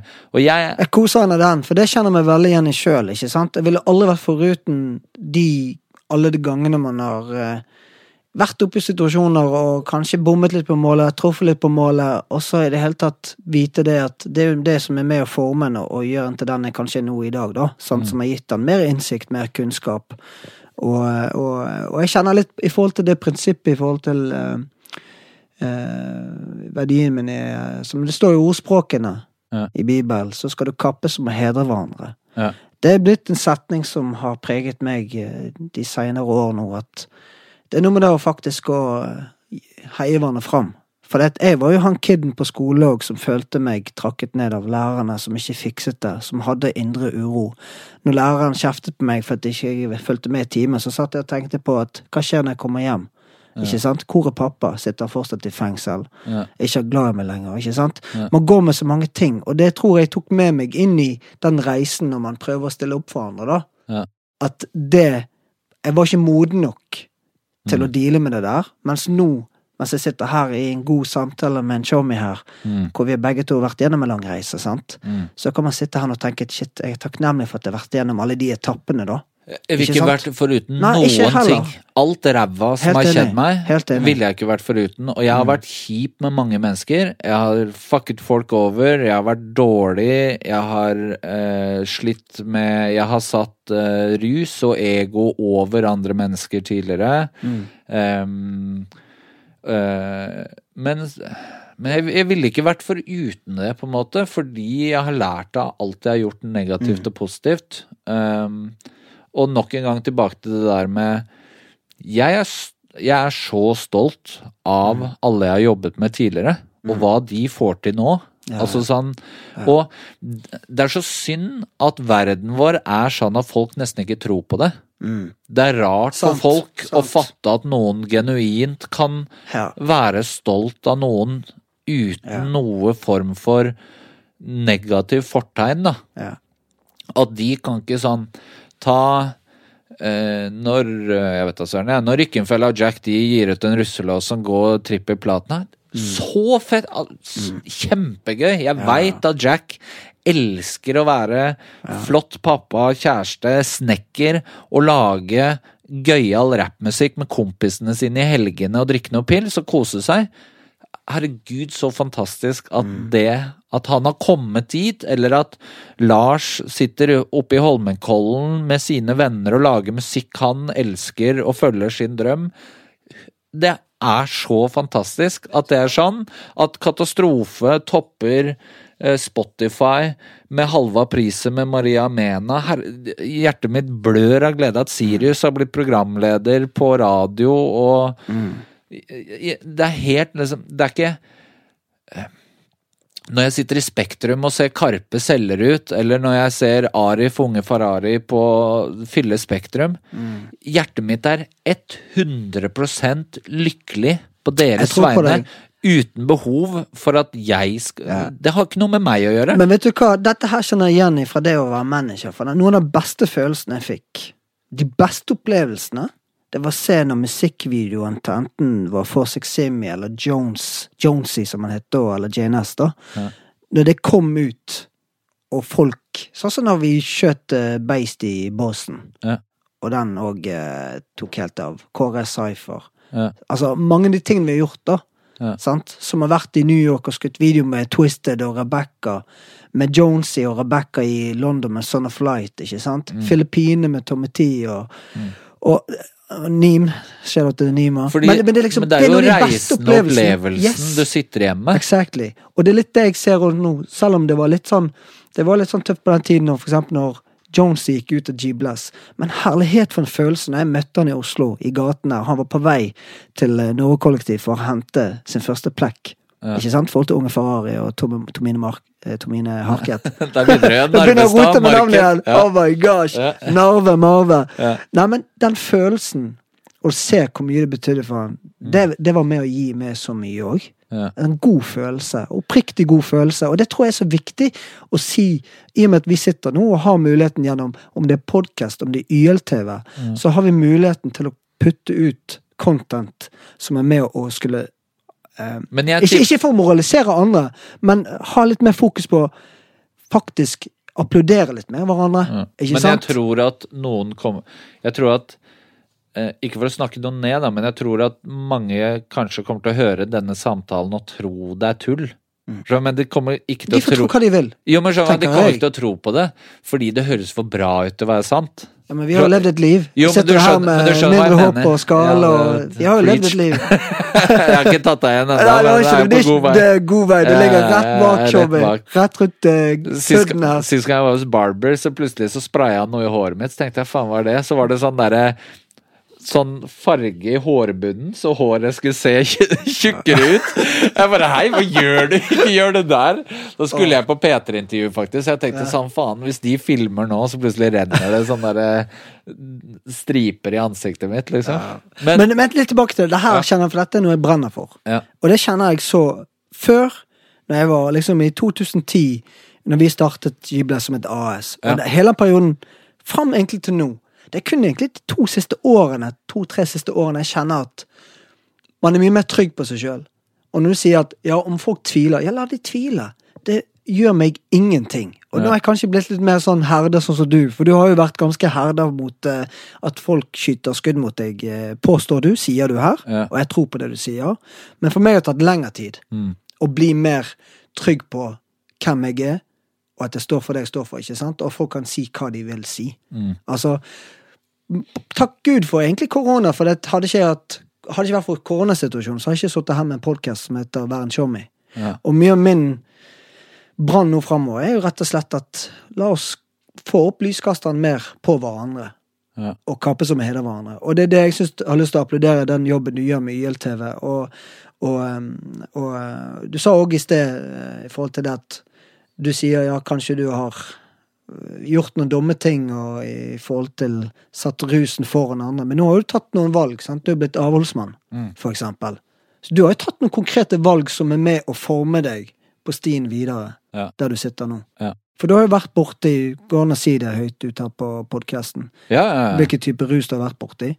Jeg har pleid å joke alt uten heroin. Ja. Eller jeg pleide å si uten crack og heroin, og så skjønte jeg at Ja. de gangene vi røyka kokain, så er jo det crack, så da måtte jeg, da måtte jeg gå over til å bare si at det er Ja. heroin jeg ikke har vært borti da. Jeg har lyst til å bare få fram en lite poeng. Vi trenger ikke snakke så veldig voldsomt til det, for jeg ser jo tiden flyger. Men Ja. mye av grunnen til at du er avholdsmann nå, Ja. hvorfor? Eh, fordi at jeg er i eh, samboerskap, og fordi at jeg via det ble klar over at det gikk utover andre mennesker, da. Og meg selv. Sånn eh, For meg så har rus vært en måte Oi, det her er veldig, veldig viktig. Rus, handler, rus er også alkohol. Det er hovedsakelig alkohol for min del, men eh, når jeg blir full, og noen har noe annet, så er jeg med på det. Eh, det er liksom viktig poeng, for det har Og det er jo ikke det at jeg har rusa meg hver dag, eller drikker hver dag, eller Men det har vært Det har gått over styr når jeg gjør det, og når jeg begynte å drikke, så kanskje man bikka over én av ti ganger, da. Og så når jeg var, bestemte meg for at nå er jeg ferdig med det, så bikka det over hver gang. Eh, og eh, Hva skal man si Ja, nei, så, så det her har jo handlet om virkelighetsflukt fra meg. Det har vært å rømme fra problemer. At liksom Å, det er masse stress. eh, Det er bedre Nei, men eh, eh, jeg har økonomiske problemer, eller eh, jeg har eh, problemer i forholdet, eller relasjoner, eller Så har vært sånn Jo, men det kan vente til mandag. Jeg tar meg en fest, og så er jeg full og koser meg i fire dager, og så slipper jeg den tanken. Um, og at um, ho, jeg, Fordi at jeg har ADD, så går huet mitt hele tiden. Jeg klarer ikke å slutte å tenke, og jeg eh, Samboeren min mobber meg mye for det, fordi jeg kan sitte og klippe video, ha på en video og svare på tekstmelder samtidig. Og det fordi at jeg har så stort behov for stimuli. Um, men hvis du mm, drikker deg full, eller Så slutter huet. Mm. Da slutter du å liksom Da bare eksisterer du. Men rusen er det var, Så det er mye av rusen det er ikke på grunn av at det- du har følt et press inn i musikkbransjen? Og for å være blant, Nei, for å være blant en Men, av gutta? men jeg, har, jeg har liksom en refleksjon over det, fordi at når jeg bestemte meg for å slutte å drikke, så ble jeg klar over hvor mye alkohol og mye det er i musikkbransjen. Fordi eh, sant, det er på Bylarm, og så er, har alle labelene sånn eh, vors. Eller eh, det er sommerfester, eller det er tilstelninger. Og så får du sånn drikkebonger. Og så går jeg i baren sånn Ja, men kan jeg bruke denne bongen på å få en Pepsi, eller kan jeg få eh, Kan jeg få vann, eller Kan jeg få vodka Red Bull uten vodka? kan jeg få en Red Bull, liksom? Eh, og da er det Nei, det er vann. Nei, du kan, nei det må du kjøpe, eller uh, Nei, vi har ikke vann. så det er tilrettelagt for at du skal egentlig så det feste er, hardt? så det er liksom så lagt opp til at Ja. alkoholen skal flyte, Ja. og hvis du ikke ønsker det, så så er det plutselig vanskelig Og morsomt, nå røpa jeg på en måte en punch her, da, men det skjedde faktisk. Jeg var på en fest eh, i, i regi av et major label, og så sier jeg sånn Kan jeg få en Red Bull? Og så sier de nei, det kan du ikke få. Jo, men jeg har jo en bong på vodka Red Bull. Ja, det kan du få. Med ok, vodka. men da tar jeg en vodka Red Bull uten vodka. Ja, det kan du få.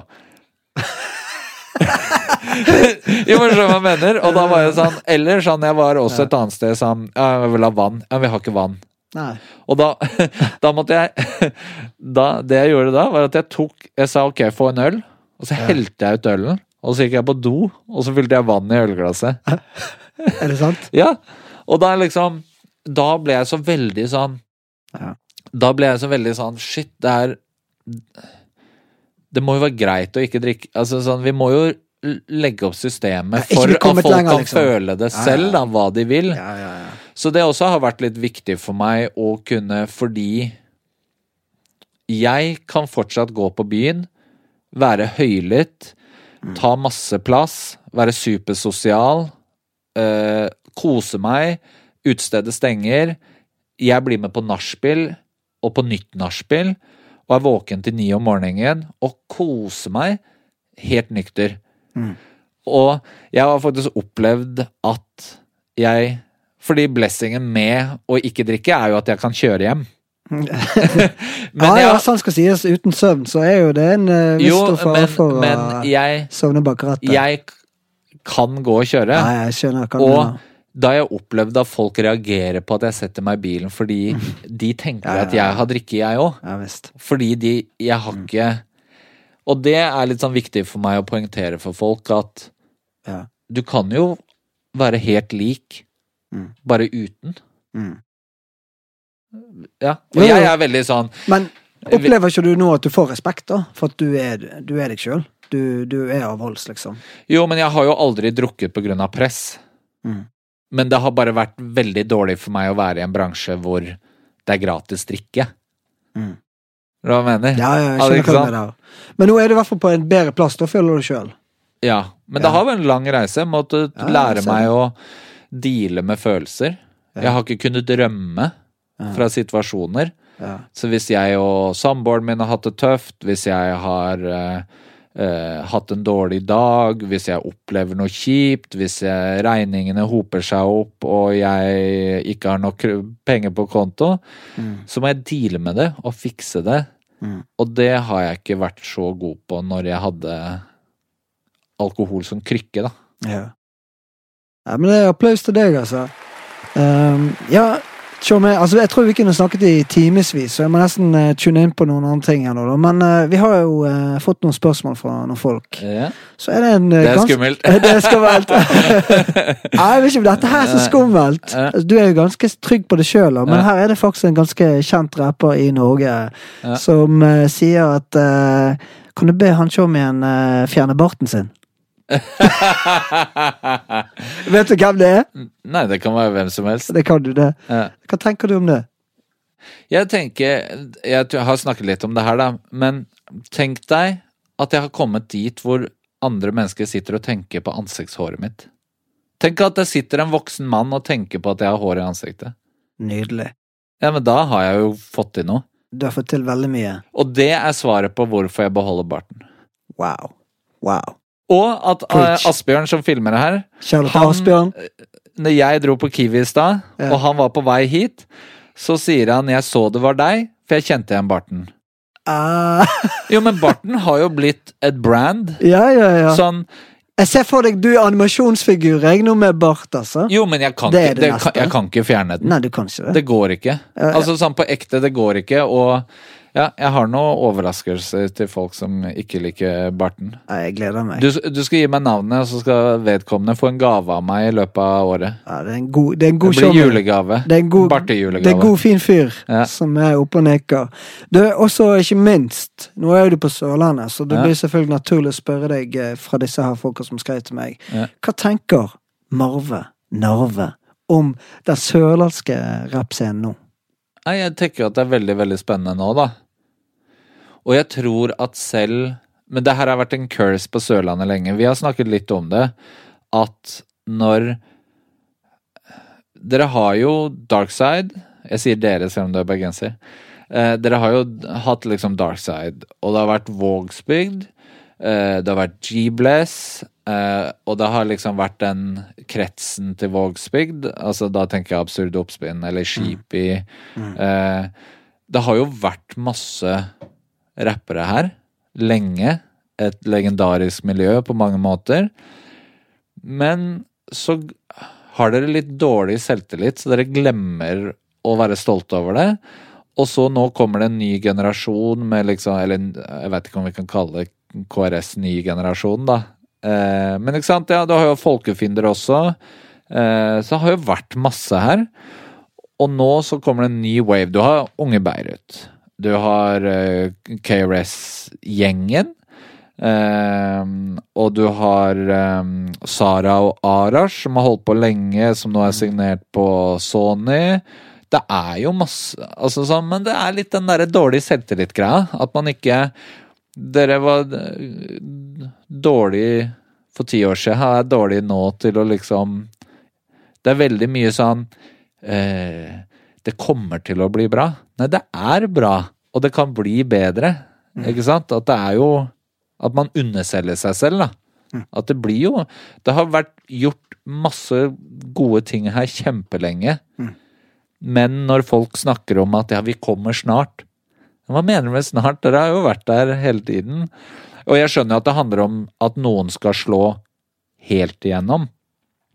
At noen blir liksom Ja, for litt det du tenker på- på, da, eller? For at, eh, hvis jeg spoler litt tilbake, da, så har jo eh, flere av den eh, gjengen som vi snakker om nå, inkludert gjengen jeg har vært med å pushe, Ja. har jo vært innom P3, ikke listing, vært innom 730. Nei, men ikke sant, jeg skjønner jo at Rollstar ikke sant, Hiphop, Hvis vi skal snakke om MTV. Stavanger, da, som har Ja. hatt samme problemet, Ja. så har de jo, fikk de jo Isabel som ble ganske stor, men nå har de jo Isa, Mm. som er jo rikskjent, Ja, ja, på en måte. Definitivt. Det er jo klart, selv om Darkside vant Spellemann og Mm. sånne type ting, så mangler jo kanskje Sørlandet den type størrelse. Mm. Men det kommer når det kommer. en Men tenker måte. du at det har vært for dårlig til å, å, å produsere over tid, da? At det varer kanskje en for liten periode, at man ikke har nok eh, volum til å fortsette? Ja, ja. Og nok stolthet og nok trygghet i det man har allerede gjort? Og så- Ja, og så underselger fortiden. Ja. Hvordan kunne man gjort det bedre der, da, tenker du? Nei, må pushe hverandre. Det har jo Sørlandet vært historisk veldig dårlig til. Mm. Eh, Og det er det bedre nå? ja, det det syns jeg. Okay. Ja, det syns jeg jo 100% Og det er jeg enig i. eh, Flinkere til å pushe hverandre. Mm. Eh, og så være stolt av Ikke underse... Det blir det samme som når folk skal spille en sang for meg, og så starter de med 'men dette er ikke bra', eller Mm. 'jeg lagde den på ti minutter', eller.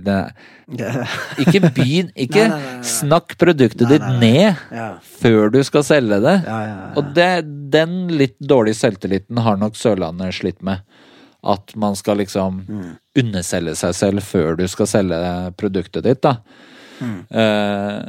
Men jeg tenker jo Og folk har jo, når man snakker om Sørlandet, så har de tendens til å glemme G-Bless og alle de tingene dere gjorde. eh, som har jo vært litt irriterende til tider. Um, ja. Men jeg, det er mange Irriterende? Ja, for min du? del, da. Ja. Eller at jeg er sånn, ja, men ikke glem. Mm.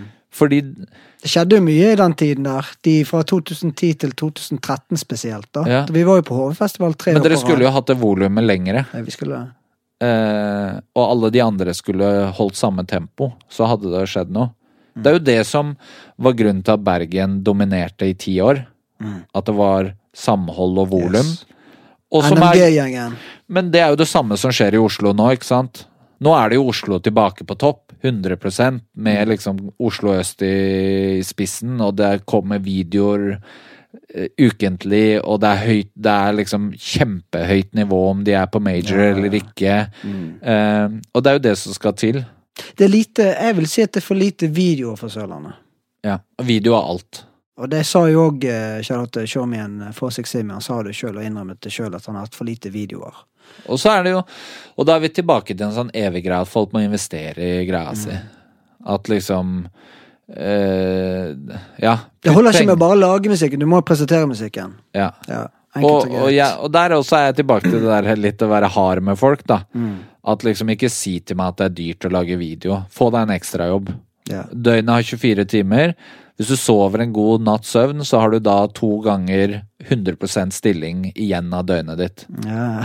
Ikke si til meg at du er blakk. Nei. Ikke si til meg at du ikke har tid. Nei, altså, Skru av Netflixen, og så gjør noe Noe av det mest det som irriterer meg, hvis folk sier 'jeg har ikke penger', ok, men du har penger til å kjøpe deg fete klær for å se vellykket ut og se ut som en stor artist. Du har penger til å feste hardt, Ja. tusenvis av kroner i løpet av en helg. Du har penger til å kjøpe deg dop. Ja. Du har penger til å abonnere på ene og det andre. For å sitte og hengslengt i en sofa og sitte og se på ene og det andre serier. Ja. Men å bruke penger på å skape en fet låt og presentere låten, det har du ikke. Ja, og Så så det- blir jeg forbanna på folk når folk sender meg en video, og jeg ser at Du har ikke putta penger i produktet ditt, Mm. du har ikke brukt tid på produktet ditt, men du vil, du, du vil at jeg skal bruke min tid Ja. og mine penger Ja, på å pushe noe Stemmer. du ikke har gjort det Du viser ikke meg den samme respekten. Mm. Ikke sant? At det å, eh, Ikke sant? Å slippe noe på YLTV har en høy promoverdi. Mm. Og hvis du kommer med et produkt som er verdt en brøkdel av den verdien du ønsker Du må jo matche det jeg tilbyr. Du kan ikke forhandle ikke sant? Det, er, det blir det samme som å komme inn på en eller annen sånn luksusbutikk med en HM-T-skjorte og si 'du kan få HM-T-skjorta mi hvis jeg får Louis-jakka Ja, di', liksom. Det, fun det er jo disrespectful. Ja, det er det. Det er jeg mener, Ja, ja, ikke, ikke si til meg at liksom Nei, det er vanskelig. Jeg har brukt fem og et halvt år av livet mitt på å bygge den plattformen de ønsker å komme på. Yes. Og så har de lagd rappa i to uker og skutt en video med iPhonen sin og tenker at det skal At de er likestilt i forhandlingen.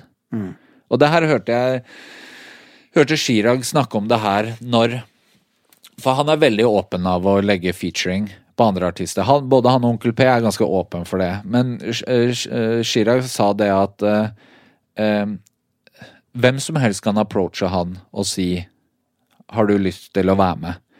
Men da må du eh, Du må gi noe tilbake. Det må være en låt som gjør at han blir gira. Det må være en eh, videoidé som gjør at han tenker 'shit, det her er fett å være med på'. Da kan han være med. Men ikke kom med en sånn eh, Ikke bare tenk at han skal gi deg, du må også gi han. Skjønner du hva jeg mener? Ja, ja. At du Ok, du er 100% ukjent artist, men du kommer med noe som han tenker at shit, jeg får noe ut av ikke penger eller streams, men jeg får noe ut på personlig kunstnerisk plan å være med på det du tilbyr. Ok, men da kan jeg putte mitt navn og min skill inn i ditt produkt. For det er en even byttehandel her. Visst det. det men det er Men mange som der- ikke forstår det. da Men det er jo samme med at folk kommer til deg og For eksempel hvis du er en eh, skal ha en musikkvideo, da. Ja. Og så er det mange som ikke er villige til å betale. Det samme gjelder jo folk som vil ha en produksjon, miksing, mastring. Folk skjønner ikke at ting koster. Nei. Og Men- tiden og- koster. Og det gjør kanskje at disse gaterapperne flommer over, Mm. Yes. fordi de putter penger Ja. i produktet sitt. Ja. Det Og sant. det er jo ikke Jeg har ikke noe preferanse for en eller annen stil, Mm. men eh, det jeg blir sånn når folk sier sånn Ja, hvorfor er det ikke eh, boom-bap, rap på YLTV? Ja. Men hvor, vis meg de boom-bap-rapperne som sender meg fete videoer på mail. Dette, folk, Det er jo- dette er jo faktisk svaret på et av spørsmålene. For den som stiller spørsmål hvorfor er så mye skimask-rap på. Men det Men det er jo mer ski-mask-rap. Ja, ja. Eh, Internasjonalt, uansett hvis du går på GRM Daily, en TV. Worldstar, Ja. No Jumper Hvis du går på alle disse kanalene, så er det jo masse Altså, ikke sant? Og det Folkens. fins mer av det. Folkens, dere hører hva han sier her. Hvorfor er det så mye Tesla i Norge? Det er dårlig gjort med, mot Volvo 240. Jo, men ja, ja, det er jo helt rart å Jo, si. det- si Hvorfor er det så mye Tine Melk? Bare, hvis du bare, bare vent litt, du er verre bergensere enn 100 bergensere sammen. Men det er noe med det at ok, nå hører dere hva han sier. Kom, host opp noen fete videoer, da, som gjør at du har lyst til å putte det ut. Og ikke minst, ikke send det kveld før. Send det, Bruk noen uker i forveien og kom med en pakke. Så det er Jo. sjanse å bruke tid på å prioritere det òg. Men samtidig, da. Uh, Key One har gitt ut sikkert seks musikkvideoer på YLTV. Nils med Skills har gitt ut alle sine musikkvideoer i løpet Ja. av disse fem årene Ja. på YLTV. Eh, hvis jeg bare tar nå det siste Jeg har hatt Vilja Brox fra Tromsø, som ikke er på den tingen. Tøyenholding. Eh, nei, jeg har bare et intervju med dem, for de Ah, har ikke musikkvideoer, da. Okay. Men, men nå kan jeg Det her er det sånn jeg liker å gjøre. For hvis jeg går inn på YLTV, og det oppfordrer jeg alle til å gjøre, YLTV.com. og så finne eh, spillelista som heter musikkvideoer. Og hvis man da liksom trykker på den musikkvideoen, altså på den lista, da, så er det sånn, ja, det er gaterap, det er Velo og Donny, men jeg har sluppet Victor H. og Fela sin nye video. Det er ikke det. Vilja Yes. Brox, Tromsø, overhodet ikke det. Eh, Skal vi se, nå var det Se, men jeg tror på det. Det er ikke tid til å ramse opp alt her. Men videre. Belizio, shout out Belizio. Og det er jo liksom det eneste som stopper fra å bli mer av noe annet, er at folk må Hvis folk hadde brukt like mye tid Ja. på å lage god musikk Yes. som irriterer seg over at det fins ting de ikke liker, så hadde det jo vært mer av noe annet. Preach. De bare bruker energien sin helt feil. Ja. Og så er det forskjellig uh, hva man liker og ikke liker. Men du, spørsmålet her. En som spør. Hva tenker du om Sobax og andre lignende plattformer som det? Eh, elsker det. Elsker det. Og Du det er- elsker mer, du vil ha mer folk som gjør ting som gjør at du blir inspirert, stemmer ikke det? Og det føler jeg også er en ting som folk ikke helt tror på. Ja, men jeg tror på det. Ta når Vin og Rap kom. Holder ikke med at showmien er enhver showmy. Jeg tror på deg, da. Eh, Jo, det er sånn. Men, men når Vin og Rap kom, Ja. så ble jeg først stressa fordi at jeg tenkte sånn Hvorfor har ikke tenkt på det? Ja. Ja, stemmer. Og så koser jeg meg med innholdet, Mm. og så har folk som ser på, et alternativ til det jeg driver med. Ja. Det samme med Look North. Jeg elsker den podkasten. Jeg Ja, ser ja. alle episodene. Dødsbra kvalitet. Kjempe, Gjennomført til kjempebra. 1000. Elsker det. Ja, ja, ja. Og eh, det gjorde faktisk at jeg har hatt en podkastpause. Okay. Fordi jeg må uppe gamet mitt. Det er jo det som skjer når du får konkurranse. Ja, ja, men jeg kjenner meg sjøl igjen. Når jeg så det, så tenkte jeg shit, jeg må steppe opp gamet her Ja. Hva faktisk har jeg gjort der? Jo, faktisk, jeg har tatt og malt veggene. Jeg har eh, fått opp eh, og Nå skyter vi filmen her, og så bygger vi videre. Så shout-out til alle dere som stepper opp gamet, for det er med å inspirere. Og det er Og det er det det det. handler om. Mm. Og da, du har de uh, Loud uh, Entertainment, som er de Ja. T-section-crewet, som har starta en egen kanal. De har putta ut litt sånn freestyles og musikkvideoer. Ja. Og det er jo folk jeg jobber med. Okay. Så det de gjør nå, at de slipper litt på YLTV og litt selv. Ja. Da skaper vi en sånn synergi og en effekt som bygger kulturen opp. Yes. Og det vil jeg at folk skal gjøre. Fellesskap, mer fellesskap. Det er jo det jeg Ja. vil at Egentlig så er det for li, jeg har for lite konkurranse. Ja. Det gjør at fordi alle vil slippe video hos meg, og jeg har ikke plass til alle, så er det dømt til å bli problemer. Yeah. Skjønner du hva jeg mener? Yeah. Det blir for lite mangfold, det er for lite muligheter, Mm. ikke sant? Og jeg, jeg sitter jo kanskje og tenker sånn, hvor er 20 år gamle Marius Mm. som starter en Hvorfor, start, hvorfor er det ikke flere konkurrenter? Ja, altså, jeg har jo på veggen her, sant. King size. Fantastisk. Så kom med ClickMag, og vi, vi, vi vil ha mer, sant. Du Ja. Urban, og du jobbet jo sjøl innenfor å være med og fronte litt grann ting, så Jo, men jeg, men ta, jeg tror på en måte 730 trenger konkurrenter. mm, er, vi har én. Mm. Det er ett nettsted Ja. som er dominant for populærkultur i Norge. Mm. Vi har én stor kanal for rappmusikk i Norge, YLTV. Mm. Vi trenger flere nettsteder som 730, og flere plattformer som YLTV. Jeg tror det kommer, for det, nå ser du en veldig vekst i podkast, for eksempel. Mm. Flere og flere, ikke sant? Starter opp podkaster nå. Og jeg tror det blir òg være med og kanskje mer inspirere andre igjen til å starte sånn plattform, som Ja. nettopp som YLTV òg. For noen må gå foran, ikke Ja. sant? Så jeg, eh, jeg Men det er jo et godt kommer. eksempel, fordi når jeg starta Kaffeslabberas, Ja. så fantes det ikke rappodcaster i Norge. Nei, hvor mange Det, det, var, jo, det var én, og det var King Size. De lagde én eller to episoder. Ja. Og så lagde jeg det samme studio. Ja. Men da var det jo bitte lite rom, Ja. eh, et kamera på stativ, én vinkel. Der begynte vi. Og det var formatet helt til jeg fikk konkurrenter som gjorde det fetere, så jeg måtte steppe opp. Mm. Så da, ikke sant? Og da begynte jeg med to kamera. Og så kommer Look North med trekamera. ja, det Og da må jeg ha Ikke Du sant? bare fire, du, da? Jo, men kvaliteten min har jo økt Ja, ja. fordi jeg får konkurranse. Ja, ja. Det er dødsbra med konkurranse. Intervjuene mine før var jo sånn Lad TV, at jeg satt bak kamera og intervjua. Ja. Og så kom vino og Rap, og så var det oh shit, det jeg gjør er ikke bra nok lenger. Ja. Jeg må steppe opp. Men Dette liker med det, Marius. Du, eh, du, du trigges av at andre gjør det bra, og det er en veldig god ting. Men uh, nå har vi nå må du, Klarer du å holde litt ordknapp nå? Altså litt Nei, jeg veit ikke. Ja, prøv. Ja. korte svar nå. Okay. For jeg har noen faste spørsmål. Det er vanskelig. Jeg har noen faste spørsmål Ja. som jeg har lyst til å Ja. prøve å fortsette å kjøre på framover. Ja. Hva betyr ordet suksess for deg? Nå må du være veldig kort, Marius. Lykke. Ja, er du lykkelig? Jo, men Lykke? det jo, handler jo om definisjon av suksess, da. Ja, For meg er suksess å være lykkelig. Okay. Jeg jobber jo jeg, Jobben min er drømmen min. Altså, hobbyen min er jobben min. Yes. Det er suksess. Preach. Hva betyr det å være en showmy for deg? Å være, til stede, å være til stede for folk. Og det er noe du jobber med. For det er Ja. det du sier du sjøl du sliter litt med. Men samtidig Ja, du men god, du er er god til- til å Det er tilbake til å være definisjon av vennskap, da. Mm. Fordi jeg ser jo på deg som en av mine bedre venner, Mm. men jeg har ikke vært her Takk på fem år. Nei, det var ikke det.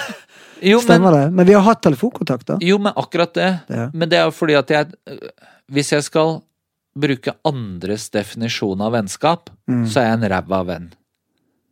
Men hvis jeg bruker ja, min sånn, i hvert fall. Jo, men hvis jeg bruker min definisjon av det, Ja. så er jeg en god venn.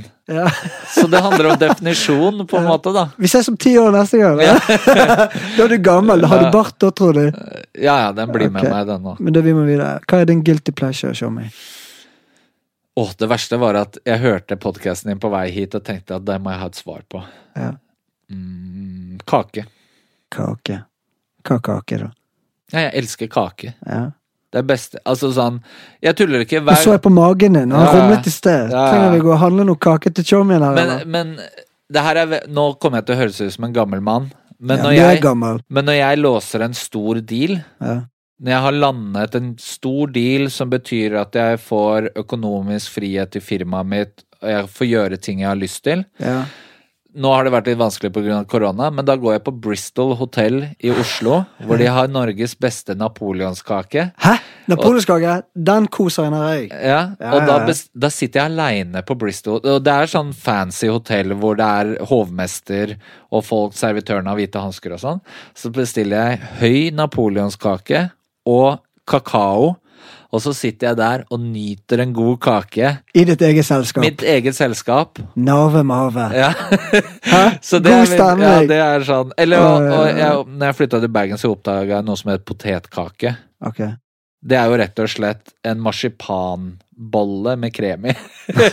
det er jo Du hører jo at man blir tjukk av det, men det er det, Jeg kjøper det én gang i uka. Okay. Det er min lørdagsgodt. For alle de som ikke vet det, men uh, Narve Marve har faktisk eh, Han har eh, blitt fly... eh, hva, hva jeg skal til å si nå? Jo, klimaflyktning i Bergen. Ja. Han har gjort det motsatte av det de fleste gjør som jobber innenfor musikkbransjen. De Ja. trekker til Oslo, men du har stukket til Bergen. Men, Ja, men det blir en helt annen Ja, greie igjen. Men det, også du var inne på det at eh, en av de Korte beste svar. tingene, det med å, å lande stor deal. For det er veldig mange som lurer på Du er jo enormt dyktig på å skaffe penger. Sponsorer.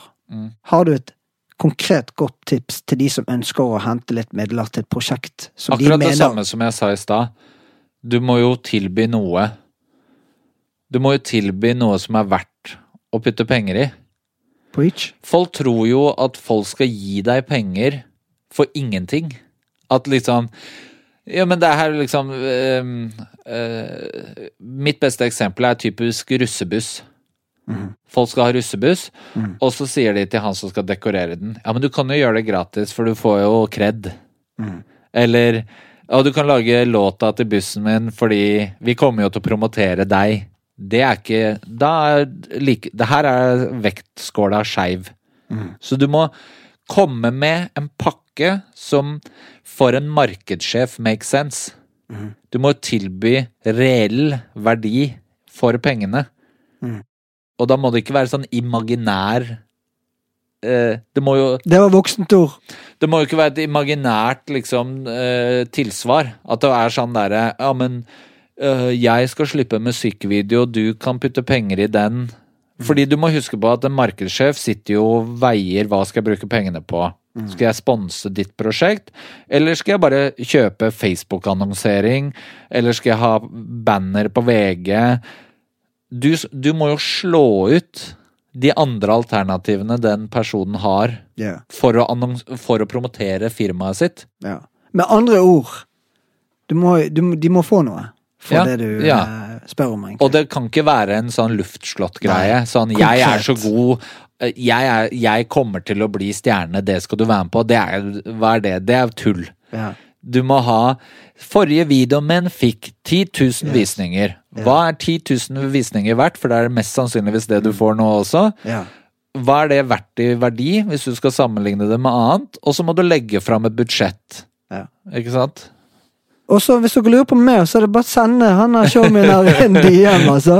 Men også et annet spørsmål som jeg liker å spørre òg.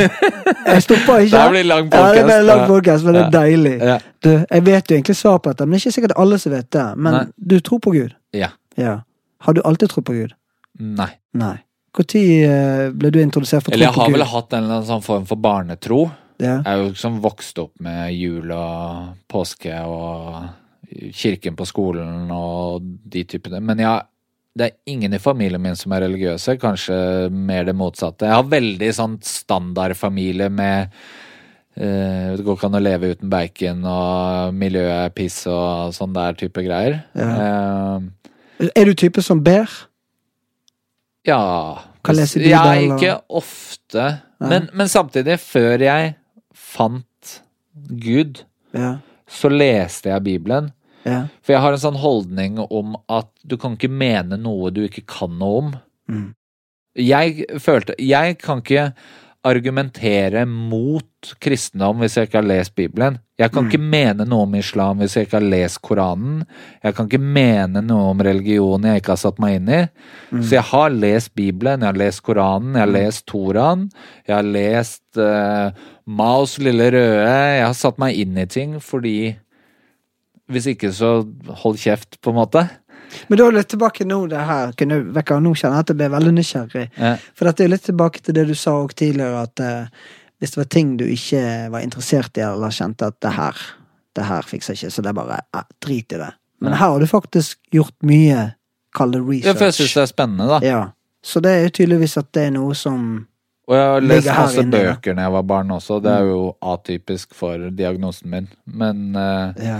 Men, eh, men for å svare på spørsmålet ditt, da. Så i 2008 så opplevde jeg veldig, veldig mye dødsfall. Det var veldig mye jeg mista nesten alle besteforeldrene mine i et strekke på to år. Og jeg har vært veldig glad i besteforeldrene mine.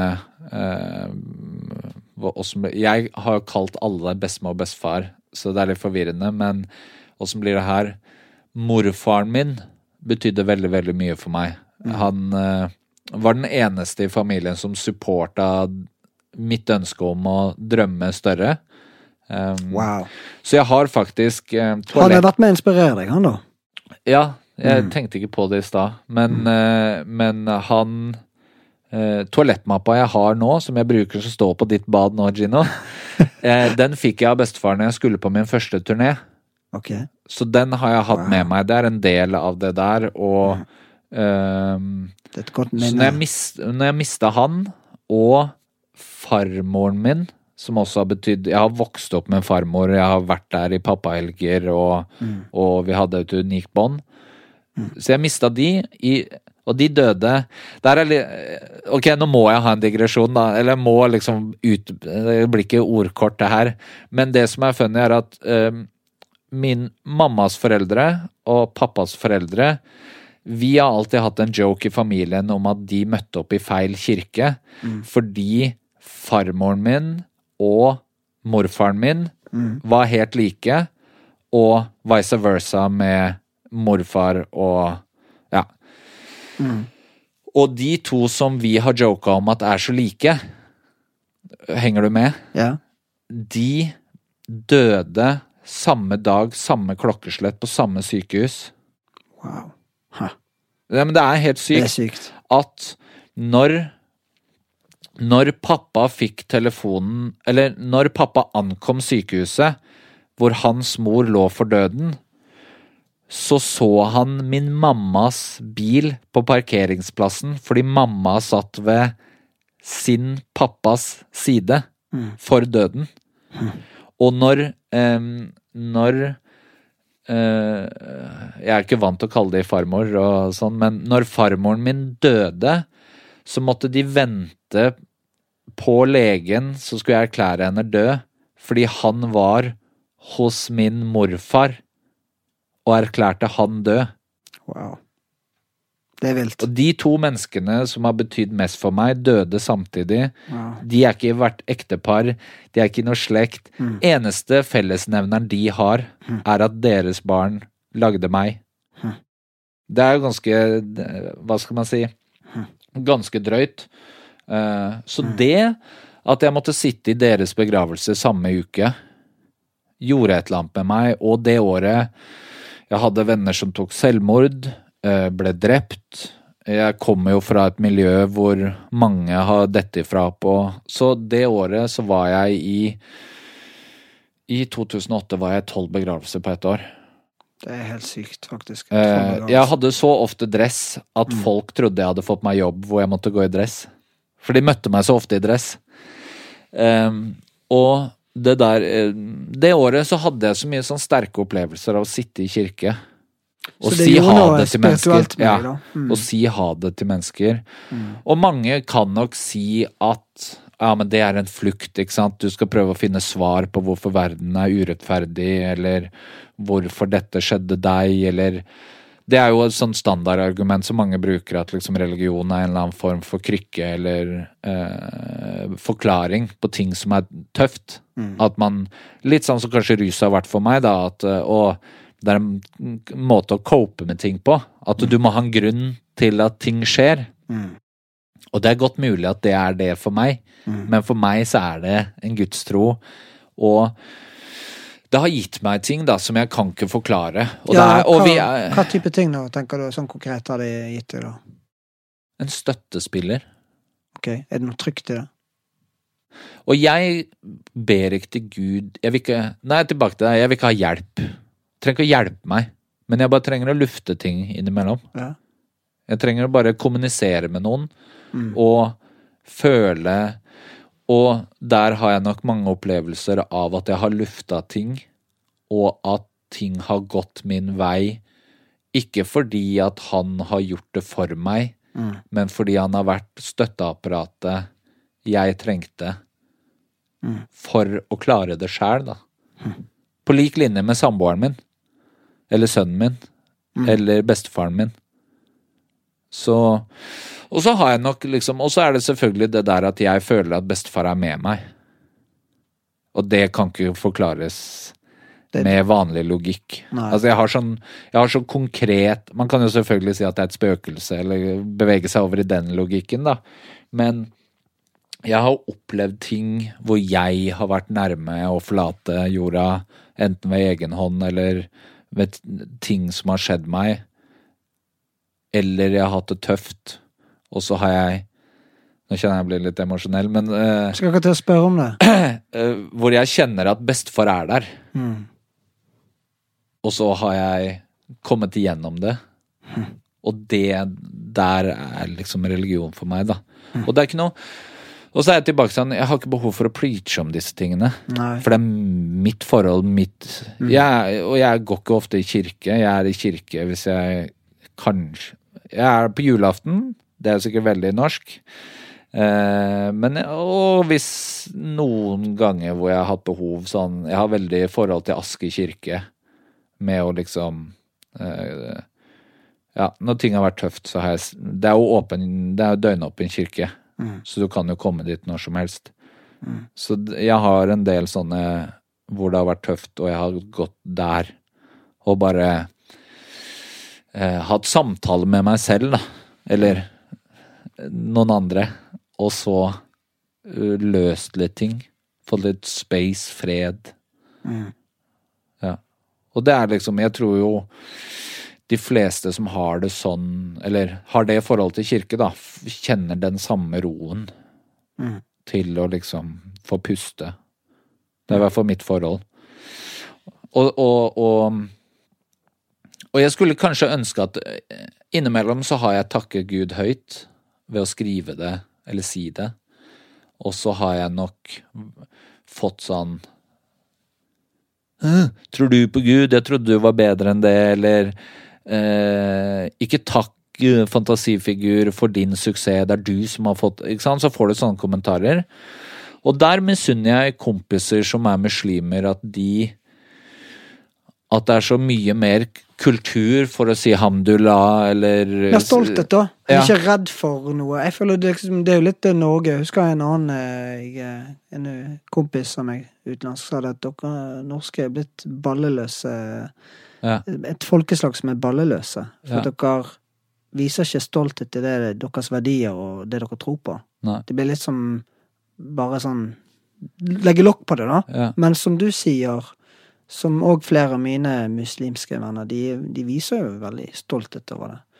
Klart Og de er veldig veldig supportive over folk som er åpen kristne. Riktig. Respekt. Og det er kristne veldig dårlige på andre Mm. veien. Det er sant. Og ja. Så jeg, mange av mine beste venner er jo troende muslimer, og det er litt deilig fordi jeg føler jeg kan snakke religionsfritt med de. Ja. Sånn jeg kan liksom spørre sånn Ja, men forklar meg hvordan funker faste id, iftar? iftar Og så har jeg testet å faste selv fordi at jeg nok en gang jeg må skjønne ting på egen hånd. Men Så jeg skulle kanskje ønske at det var litt sånn høyere takhøyde for å liksom ha Men samtidig Jeg vil ikke pushe det på folk, fordi det er ikke Jeg er ikke misjonær. Og, jeg, og samtidig, jeg har problemer veldig mye i kirken. Sånn, jeg har problem sånn Så enkelt som eh, når folk tolker Bibelen ordrett. Det syns jeg er kjempeproblematisk, fordi den er skrevet av mennesker.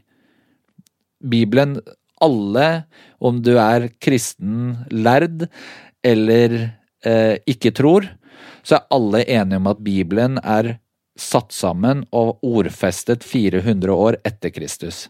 Det betyr at det er en samling av løse ark og vandrehistorier basert i det jeg tror på, som er samlet mellom to permer 400 år etter Jesus. Det betyr Det er også grunnen til at i Bibelen så er alltid kvinner skurken. For det er basert på kvinnesynet fra 400 år etter Kristus. At Eva, eller hun som klipper lokkene, eller ikke sant? Alltid. Sånn. Ja. ja. Og det har noe med kvinnesynet på den tiden. Så jeg har veldig problem med folk som sier at homofili ikke er lov på grunn av en setning. Eller det er ikke lov til å onanere, for du skal ikke la øh, dråpene falle til marken. Og, så, det har jeg et kjempeproblem med. Men hvis du leser Bibelen sånn jeg leser Bibelen, at du har ti bud. De er veldig enkle å forholde seg til, og det er de eneste reglene som står i Bibelen. Det er ikke andre regler i Bibelen, det er ti. De står i starten, og det er de jeg forholder meg til. Ikke sant? Syns du det er vanskelig å leve etter de? Å leve etter det? Det er jo ikke kjempekomplisert å ikke slå noen i hjel, eller Nei, du har jo Ikke jobbet det sjøl. Jo, men, men du skjønner hva jeg mener. jeg har vel ikke hatt ambisjon om å drepe noen, Nei, men, nei, nei. men, men Og resten Resten av Bibelen har jeg lest fra A til Å, og så sitter jeg med et inntrykk om at det handler om nestekjærlighet. Og Marius, få skyte inn det, da. Ja. Igjen. Jeg opplever du som en For det første er du en kriger. Du tør å gå foran, du tør å si fra. Mm. Du er opptatt av at ingen skal skylde noe hvis du gir noe. Mm. Sant? Du har respekt for mennesker som er ulik deg. Mm. Um, og eh, du er rett og slett definisjonen av en chommy. Ja, Det å være en chommy. Og da har jeg lyst til å uh, Nå snakker jeg for meg, han brøt meg. Jeg vil bare snevre inn her nå på det at uh, Jeg vet, jeg kan avbryte, jeg ja, òg. ja, det er bra, det. Og, og, Jeg trenger det. Ja, men jeg har lyst til å sånn til slutt nå kom innom, for det var veldig fint det du delte med i forhold til din tro og det du eh, opplevde eh, ja, gjennom ditt forhold til din bestefar.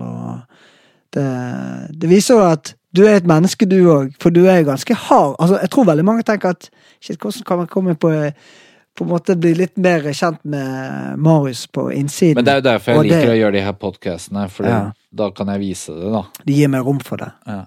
Men det står i respekt at du at du går foran og kan sette ord på ting, da. For det er veldig, for veldig mange er dette her vanskelig, ikke sant? Men før så tenkte jeg at man må velge sine kamper og velge hvem du Altså Før Jeg har mange kampsaker. Jeg har det med um, unge mennesker som ikke har A4, som faller utenfor.